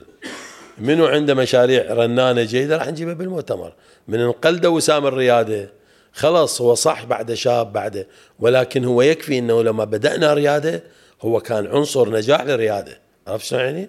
فماكو متى ننتهي ومتى. إحنا بدأنا ولكن متى سنتوقف؟ هسه لحد الآن أكو 133 100 183 183 ألف. و359 طالب مسجل مسجل. إيش قد من هسه شاركوا لحد الآن 8000 8000 اي الناجحين مستعدين للقروض تقريبا 5000 زين شو كنت تتصور راح تستعدون؟ انه مثلا تستقبلون كل ذولا ال 183 لا أنت ال 183 أنت يعني باكر أنت صار عندك فرصة عمل بعد شدك ويانا. تروح لفرصة عملك. هو مو كلهم راح يجون هم. وبالمناسبة هذول سجلوا بشهر ثلاثة. إحنا الآن في شهر 11 بس شو خلال هاي الفترة تم توظيف أكثر من 200 ألف عراقي. احتمال دول 200 ألف صحيح. من دول صحيح. بس شو وقت يعني راح توصلون full capacity بحيث يعني ماكو واحد؟ ماكو full capa إحنا متجددين إحنا مستمرين. من بالمناسبة الآن مجموعة من الجامعات طلبت من عندنا هذا سر إنه مادتنا راح تصير درس جامعي. أوكي. لا صفي فهذا هم راح يقلل الطلب عليكم يعني. لا مو طلب لا هو راح يبقى بريادة. لأن إيه. إحنا نريد هذا الشاب من بالجامعة يدرس يسوي مشروع يكون يرجع الريادة. أوكي. مو حتى يستفاد من امتيازات زين الجامعات ليش تريد تسوي هذا الشيء؟ 500 ألف خريج عندك وين يروحون سنة الاخ؟ وين يروحون؟ وين يشتغلون؟ صح زين أه هسه أنا يجي بالي سؤال وإحنا حكينا عن المراكز التدريبية وشلون لازم كل يعني مدينة ممكن حتى قرية ناحية كذا بالمحصلة لازم تتوسعون وتبنون كل هذه المراكز حتى تغطي صحيح. آه، كل أنحاء العراق صحيح. سؤالي هو ليش هذا الشغل يعني أنتم تسووه؟ آه، همينا هواية ممكن يسألون ليش ما تجيبون جهة من القطاع الخاص أو مثلا اقلها تفتحون مثلا فد فرصة لجهات القطاع الخاص أنه هي تلزم هاي العملية، يجوز أنتم تقدمون لهم الإرشاد الرئيسي، يجوز أنتم تقدمون لهم التمويل حتى يبدون يشتغلون بهذا الموضوع، لكن بالنهاية هم يقدرون يشغلوها وكل واحد بشكل افيشنت أكثر أو عملي أكثر بمنطقته بمحافظته بمدينته. هل تشوف هذا صحيح لو غلط برأيك؟ أوضح لك شغله على القطاع الخاص. آه، كل مشروع جديد عندما يطرح يطرح كعينة يجرب يدرس وبعدين يعمم.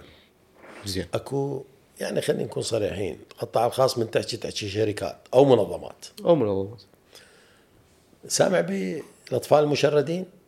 زين هذول ايتام لو مو ايتام؟ هواي منهم اي لا مو ايتام هو اسمه مشرد مشرد يعني أبوه وأمه ما ميتين بس هو طالع بالشارع يقدي بس. اوضح لك صورة ها أوكي لما انت عندك دار ايتام من يجي هذا دار الايتام ما تقبله. ليش؟ لأن دار الايتام لازم شنو يكون الولد؟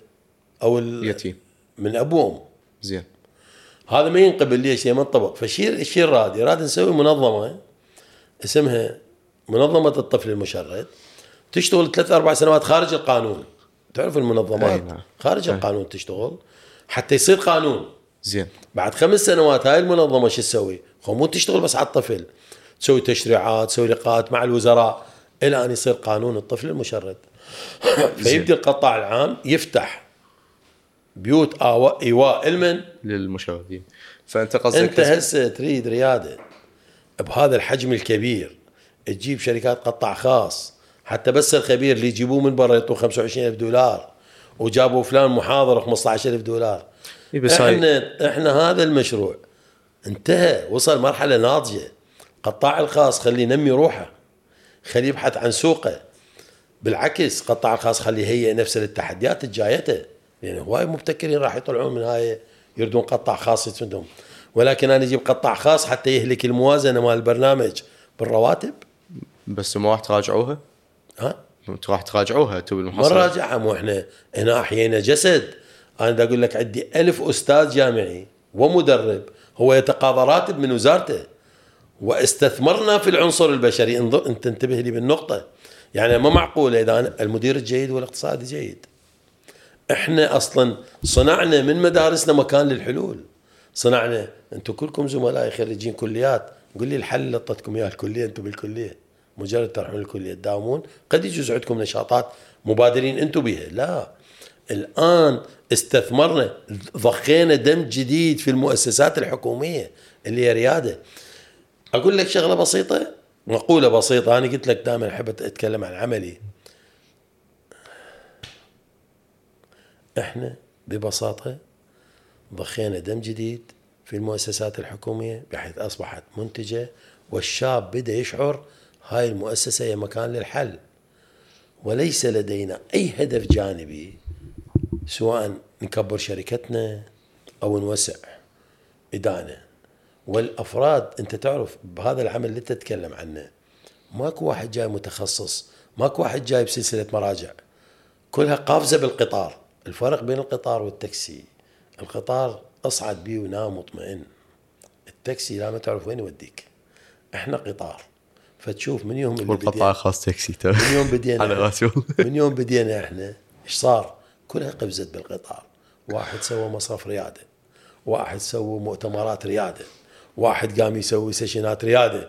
أنا تفاجئت بحياتي أني ما شفت هيج فعالية ويا رياده إلا هالسنة وهذا طبعا شيء مفرح. ولكن المحاولة يعني هي محاولات كثيرة.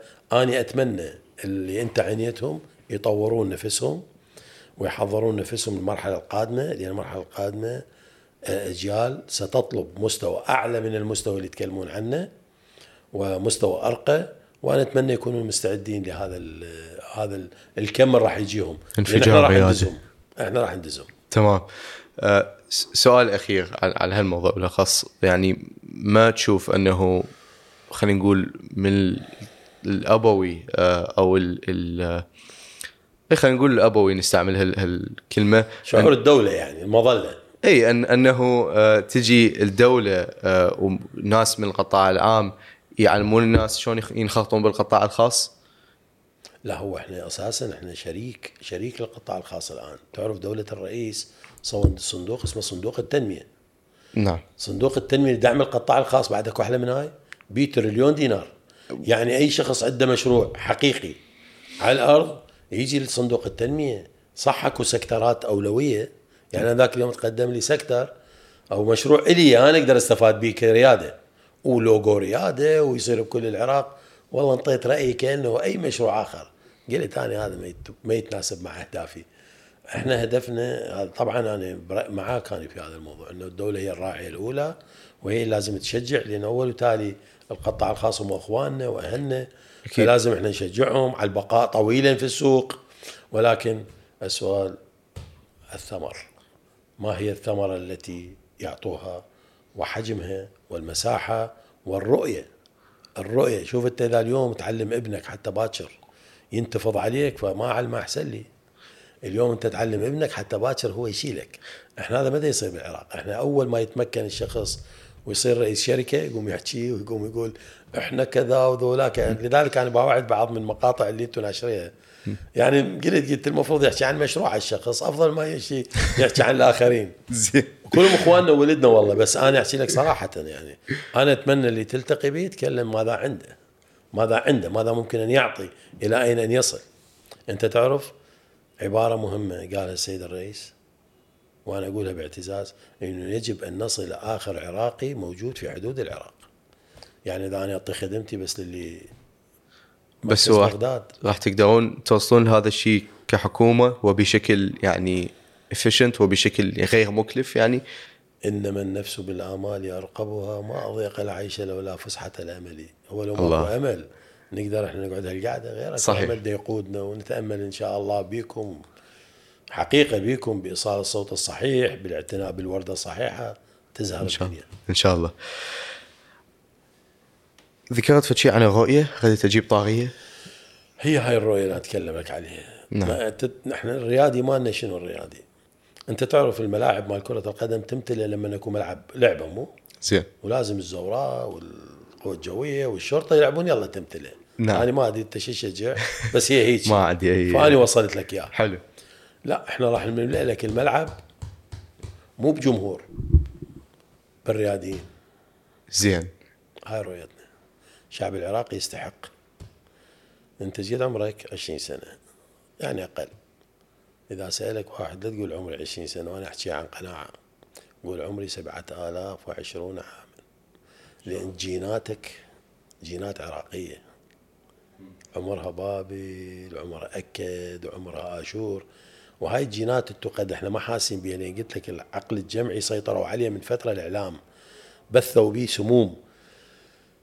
من يقول لك هذا المجتمع قوي هو منين جايبه؟ جايبه من التاريخ. التاريخ لا تأخذ منه تفاصيل ما تدري منو كتبها. أخذ إيش صار على هالأرض ما لك علاقة. الاكتشاف كان حسين لو محمد لو علي لو عمر لو زيد. إنه صار بهاي الأرض هاي جينات. لذلك إحنا عندنا اعتقاد بانه الجين العراقي هو نفسه. والدليل على هذا آخر خمسين سنة إحنا عايشين قمة المعاناة. نروح بالليل اسمع الكقه مال الشباب واسمع العوارج السعيده ويجي رمضان ينسون كل شيء. هذا البلد مو سهل. مو سهل. فلذلك هاي مو سهولة. نريد نقنع شبابنا. ترى أنتم ذولا أنتم امتداد لهؤلاء اللي بنوا التاريخ. صح إحنا مستهدفين وهذا مو بي مو سبب. إحنا إحنا بوسط العالم وصايرين بمكان مأذين الكل. ولكن ثق عندما يسألوك لا تقل عشرون عاما. لأن أنت تتربى بمبادئ جاية من عمق التاريخ. فلذلك أنا من أتكلم أتكلم بهالقوة.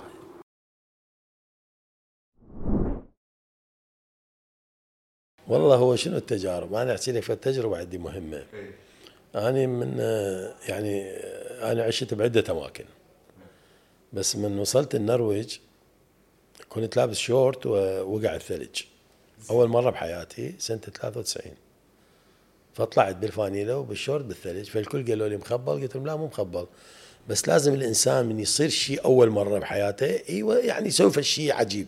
أنا لو اوقف ورا الجامعة وباع ثلج هاي شايفها بالتلفزيون شغلة. فصوروني عندي صورة لحد الآن. هذه وحدة. إنه استقبلت الثلج بالشورت والفانيله وهذا نفسيا يخليك دائما تكررها وأنت شجاع. النقطة الثانية إنه أنا بال عشت بالنرويج يوم السبت واحد عطلة. إيه. بس شلون عطلة؟ يعني عبالك مثلنا عندهم سوق الجمعة. لا عطلة عطلة ماكو حد بالشارع زين. أنا كنت في هاي اليومين أحط المنشار على ظهري وأصعد للغابة أقطع خشب. ليش هذا كان شغلك يعني؟ لا مو شغلي. بس هو يوم عطلة أنا شو أسوي؟ فكنت أسأل من يريد أساعده. فالناس اللي يشتغل وياهم يقول والله إحنا راح نقطع خشب. لأن هم يستخدموه للتدفئة وهم يبيعوه. فأنا قلت لهم والله يا سعادتي. فمن رحت وياهم شو ذولا قاموا يقعدون على صفحة يشربون قهوة أطول من العادي. فقلت لهم ليش يسوون؟ قال إحنا ما عندنا مجنون مثلك. هل قد يقص أشجار باليوم؟ إحنا كنا نيجي نقص لنا شجرتين إيه. نقطعها نكمل أنت تقص لنا عشرة وأنت بعدك واقف. فهذه آه، في وقتها ما كنت أشعر إنه هي آه، فشيء عظيم بقدر ما اني كنت أملأ فراغ. وكنت أريد اثبت ذاتي كعراقي إنه أنا شجاع وقوي وما أخاف. لكن بعد بعد الزمن اكتشفت أهمية هذا الوقت اللي قضيته اولا ويا ثقافات مختلفة اثنين عكس صورة العراقي الشجاع السبع اللي يقدر يشتغل ثلاثة إنه الحمد لله ما تدربت على الكسل تدربت على العمل. لذلك لا تستغرب أنت الآن في ضيافة رجل يبلغ من العمر 65 عاما والآن بدأ مشروعه بالرغم من كل زملائي الآن المهندسين هم متقاعدين يجلسون في بيوتهم لا يعرفون ماذا يعملون. وأنا الآن بدأت. هذا الفرق.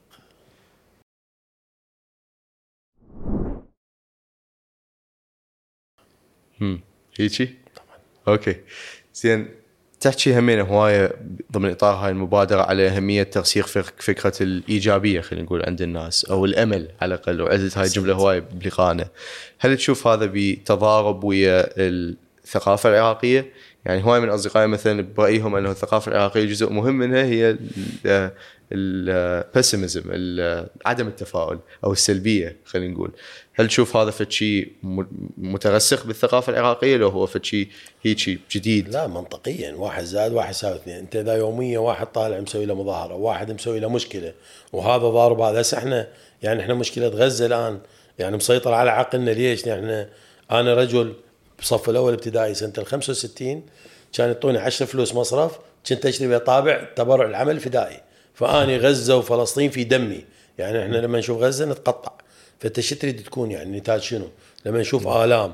قضية قضيتك غزة قضيتك. يعني غزة ما حد يقول دولة أخرى وما أدري شنو. هذا ما مقبول بالمطلق. اثنين هم بشر مثلك على هاي الأرض. هل يستحقون يتعاملون؟ فأنت طبعا هذا الشاب من يجي حقه. لذلك أنا أحاول أحاول في منطقة ما من ذهنه أقول له تعال وياي فقط أتدرب حتى أحرك هاي الأوتاد حتى أشيل هذا العدم التفاؤل وأرميه حتى أقول له ترى مو شرط تأخذ شهادة هندسة. المهم تشتغل الشيء اللي تحبه. حتى لو ما عندك شهادة بالمناسبة معظم التجار العراقيين الكبار هم لا يقرؤون ولا يكتبون. ليسوا أصحاب شهادات عليا في الاداره والاقتصاد هل تشوف يعني ممكن يطلع تاجر عراقي آه، كبير بهذا الحجم من المبادره اللي تشتغلون عليها اليوم؟ لا نتوقع خلال خمس سنوات يعني يعني فد 5% من من 5% من الذين سوف ينجحون في المبادرة. مو تروح على 183 نعم. لا لأن إحنا نحكي على اللي يشاركون. نعم. 5% يصيرون رجال أعمال يقودون العمل في العراق.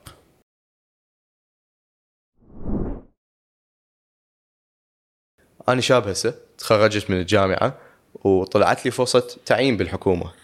ويجوز أني يعني حاط ببالي يجوز شوية شغلة اعلى من الحكومة بس أقول إنه والله الوظيفة الحكومية هي مضمونة. أفضل. أفضل, أفضل مضمونة. لو كنت بهالمكان شنو راح تسوي؟ أني؟ إي. أنا كنت بالمك طلعت تعييني وما داومت بس روح اسال غيري زين. أنا طلعت تعييني وقريته وقلت غير بلوه ما اتعين لو تنقلب الدنيا عفته ورحت. ليش؟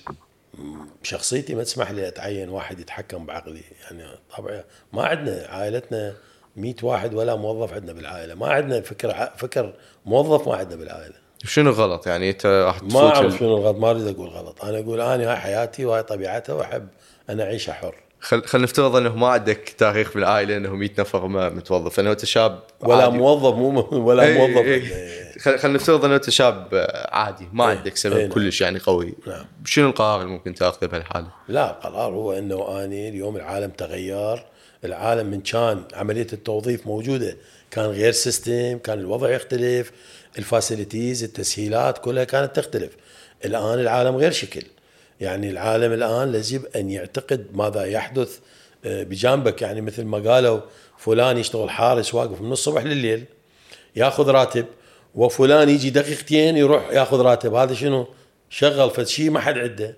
هذا ياخذ راتب عشر أضعاف ذلك. لازم يفهم الشخص إنه اليوم العمل هو مو على قد الجهد اللي تقدمه على قد الفكر اللي تقدمه. ليش؟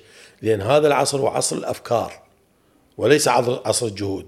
يعني نتكلم الآن لازم تبذل جهد. هذا قبل 100 سنة. اليوم الروبوتات موجودة بكل مكان. فلذلك إحنا نقول الآن أنتم خالقين فرصة عمل فروم nothing. مو؟ اشتريتوا بعض الأدوات وحولتوها إلى برنامج. كل عمل استراتيجي بشقين.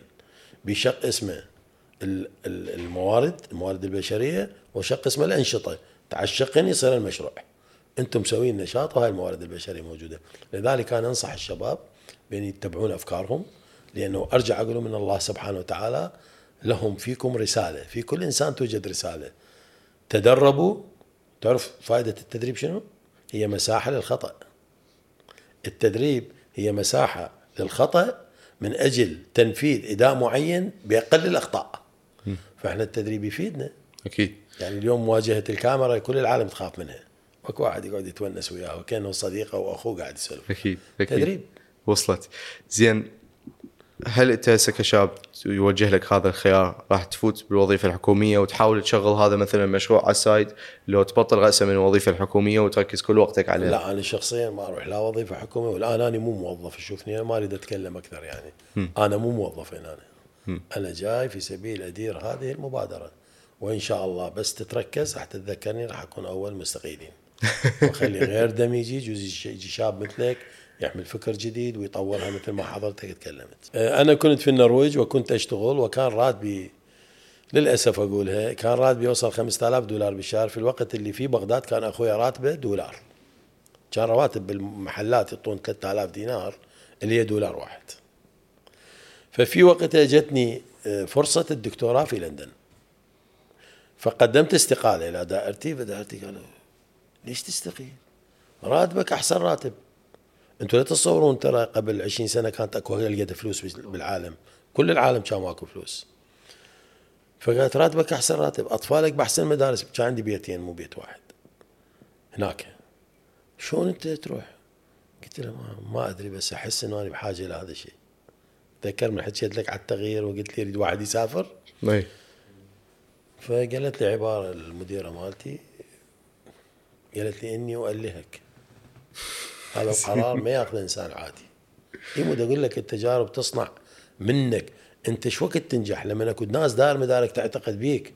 أنت ما مو يعني هذا إجراء الدولة الآن. سيد محمد شاع السوداني عنده رغبة بإثبات لكل الشباب العراقيين انه أنا مؤمن بيك. تعال أنا سويت لك فرصة امضي. فأنت لما الناس يمضون ويؤمنون بيك هاي واحدة من الأمور. قالت لي أنا ألهك.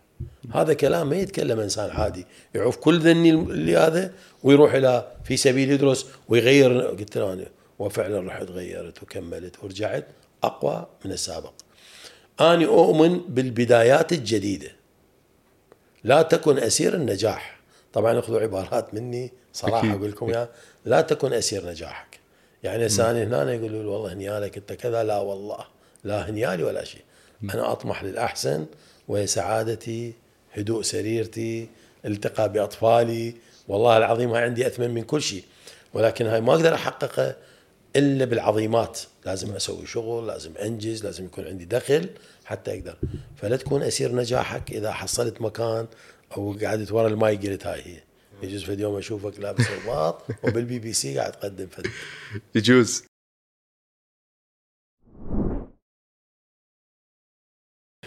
قول لي هم ليش اجوني؟ أنا من دخلت الدورة إيش قالوا لي؟ الدورة صارت في أوسلو بعيدة عني 327 كيلومتر وأنا أسكن في مدينة كريستيان سانت. فقالوا لي يابا لا تجي لأن إذا تجي من يغطي لك المصاريف مالتك؟ فندق ونقل. قلت لهم شنو الدورة؟ اني رايد أنا أغطيها. قال لا ما يصير مو إحنا نغطي مصاريف للناس اللي إحنا نجيهم ثق. عطس ثانية أني دفعت كل مصاريفي. وسموني بالغبي لأن دفعت مصاريف هناك مصاريف على مصاريف. أنا أعطيتهم ما صرفت على نفسي. هم صار خمس صرت 16 سنة مدير مشاريعهم. انتبه لي أعيد العبارة. نعم. شوف أنت ذكرتني بلحظة كلش يعني بالنسبة لي اخذت بها قرار عظيم. كانت الدورة تكلفني 2000 دولار. فمن قالوا لي قال ذولا كلهم إحنا نعطيهم. قلت لهم أنا جاي اصرف عن نفسي. بعد هذا بشهر وقعوني عقد ولحد قبل ولحد 16 سنة هم ظلوا يدفعوا لي.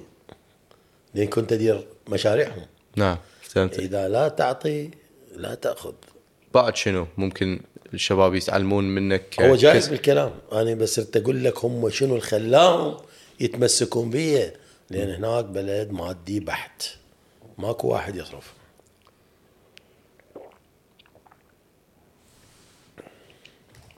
قصد إنه أني قلت العبارة يمكن عمر كان يمي قلت له أني هم إنه الإنسان واحد. ممكن تخدشه ويضوج ممكن تعمله ويفرح. أول CV سويتها وأني في لندن في جامعة كوين ماري كوليدج. سويتها أخويا دا يسوي لي ال CV وياي باعتباره انجليزيته احسن مني. فايش كتب لي فوق بال CV قال أني شخص أعتمد على نفسي في إدارة على أي مهام وأحب العمل في فريق. زين أنا بلندن كنت مدرب ولاعب كرة قدم مو بس لاعب كنت. فمن عندي 11 فرد أباوع عليهم فأقول له فلان أنت ما توقف طوبه فلان أنت أريدك تلعب لفلان. ليش هذا أقول له ما توقف طوبه تعرف شنو ما توقف طوبه يعني شتتها. ليش هذا أقول له انطي لأن بديت أفهم الناس مستويات. أني أعشق عبارة مهمة إنه الفريق من يفوز الكل يفرح صح؟ ولكن مو الكل قولوا واحد قول اذا الفرحة هي تكون عظيمة لما الكل يفرح. من أنت تريد تفرح لأنه أنت تريد تربح وحدك روح ما اريدك أنا أؤمن بالفريق لا بأس كون كابتن كون رائع وكون متميز لكن اكو ناس كثيرين يحبون الربح لذاتهم هذول لا ينفعون هذول ثغرات في المجتمع تتوقف عندهم الحسنة والفكرة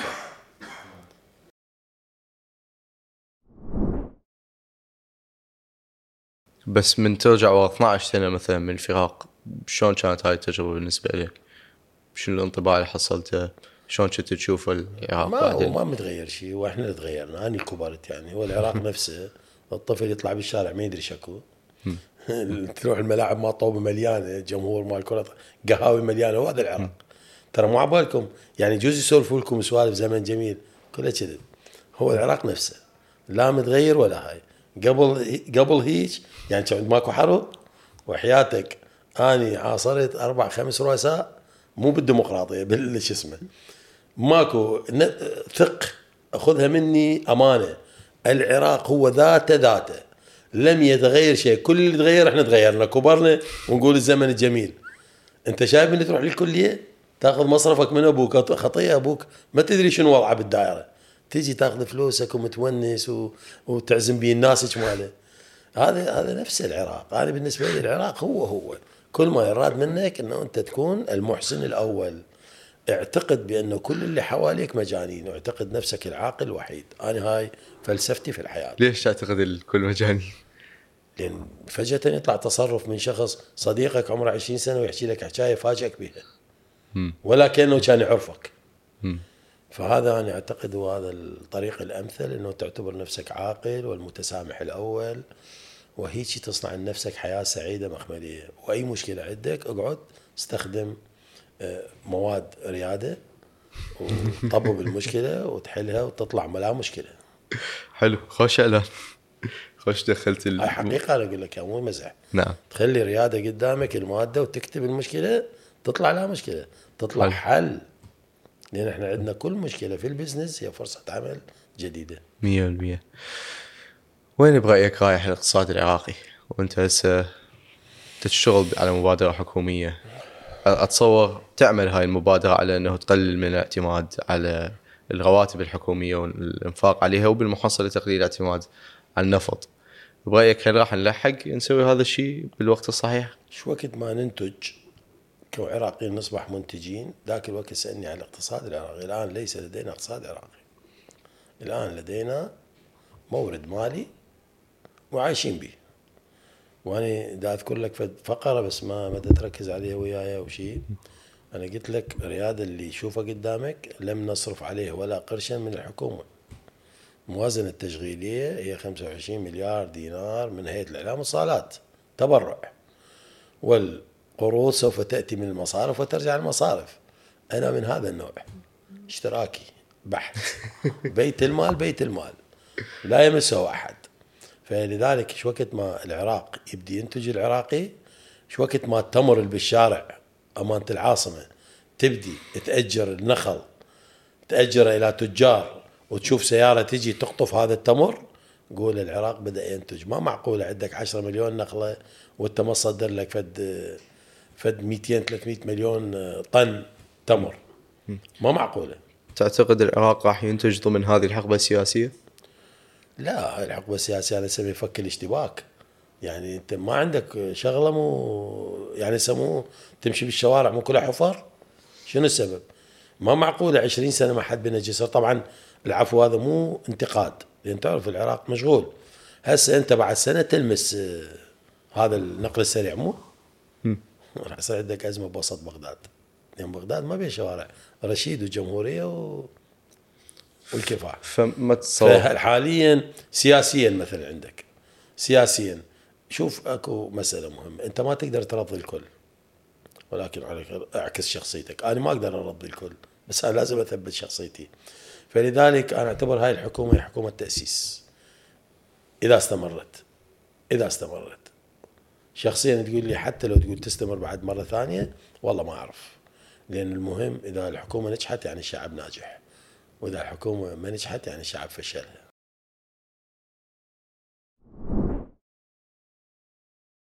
هو شوف اكو رسالة مهمة. يعني عدة رسائل. أول رسالة أطلب من الشباب إنه من يصير برنامج لا يفشلوه البرنامج يكون ينجحوه لأن هذا البرنامج ملكهم إلهم. الكلمة يعني هسه أنت بالتواصل الاجتماعي من تحكي وتطلع تحكي كلام أنت تعرف بأنك لا تعرف وتتكلم كلام سلبي. فهذا ده تفشل أحد البرامج اللي تخصك إلك. صحيح صحيح. اثنين موضوع الوظيفة انسوه. الوظيفة الوحيدة هو العمل الوحيد الغير منتج. وأني أضمن لكم بعد عشر سنوات لا تبقى وظيفة حكومية. بعد عشر سنوات ما تبقى ولا وظيفة حكومية كلها تصير وظائف أهلية.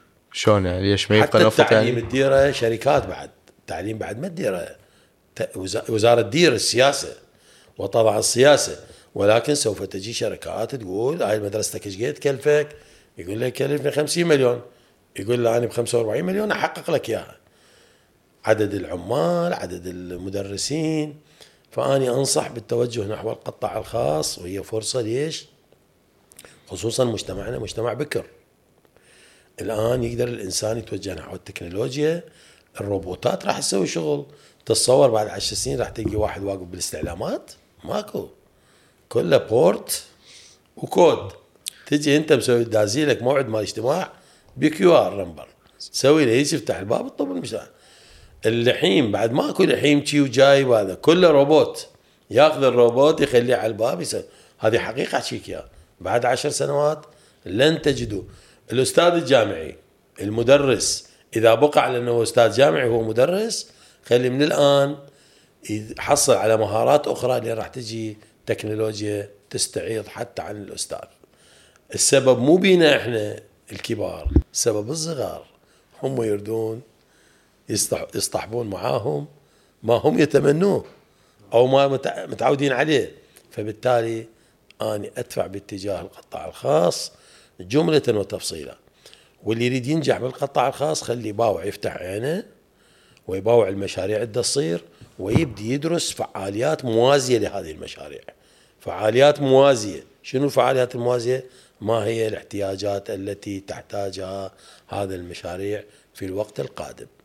يبدي يحصل معلومات صحيحة على أساس المعلومات يبدي يأسس شركته الخاصة ولا بأس اليوم شركات صعوبة تسجيلها طالبوا بتسهيل التسجيل وسيتحقق. نحن نعطي صوتا للحياة. ممنون منك دكتور. شكرا جزيلا لك على مشاركتنا هالقصص الثرية والتجارب الجميلة آه، اللي شاركتنا إياها. فرصة إحنا جدا شاكرين وممتنين لها آه، ممتنين لكم آه، عليها ومتمني لكم كل التوفيق بالبرنامج اللي تشتغلوا عليه. متمني التوفيق لكل شخص بالحكومة دي يشتغل على إنه ينمي القطاع الخاص ويحسن منه. لأن على قولتك هو أتمنى يكون فعلا المستقبل لهالبلد فممنون منك وفرصة جدا سعيدة دكتور. الله يبارك بكم وأنا أشكركم جدا على هاي الفرصة حقيقة فرصة عظيمة يعني تعرفت على ثلاث شموع شكرا. جزيلا لا، عمر فريق الأعداد. وإبراهيم يعني المصور منكم أنا أشعر إنه موجودين أكو ناس شجعان يقدرون يواجهون كل المواقف ومثل ما قلت يعني هي فرصة تلتقي بها الأجيال لكم الموفقية أشكر. والنجاح وأنا أشكركم مرة ثانية على مثل ما يقول أنتم منصتكم منصة تجارب شو يسموها؟ أي نعم تجاوب تجارب منصة إيه. التجارب فأنا أشكركم مرة ثانية وأتمنى يعني الشباب إيه، حقيقة يستفادوا من تجربتكم وأنا أتمنى لازم تلتقون بنفسكم وتعيشون تجربتكم لأن الشباب أقرب لكم مني آه، وربي يوفقكم بالعكس جميعاً. بالعكس شكرا جزيلا دكتور ممنون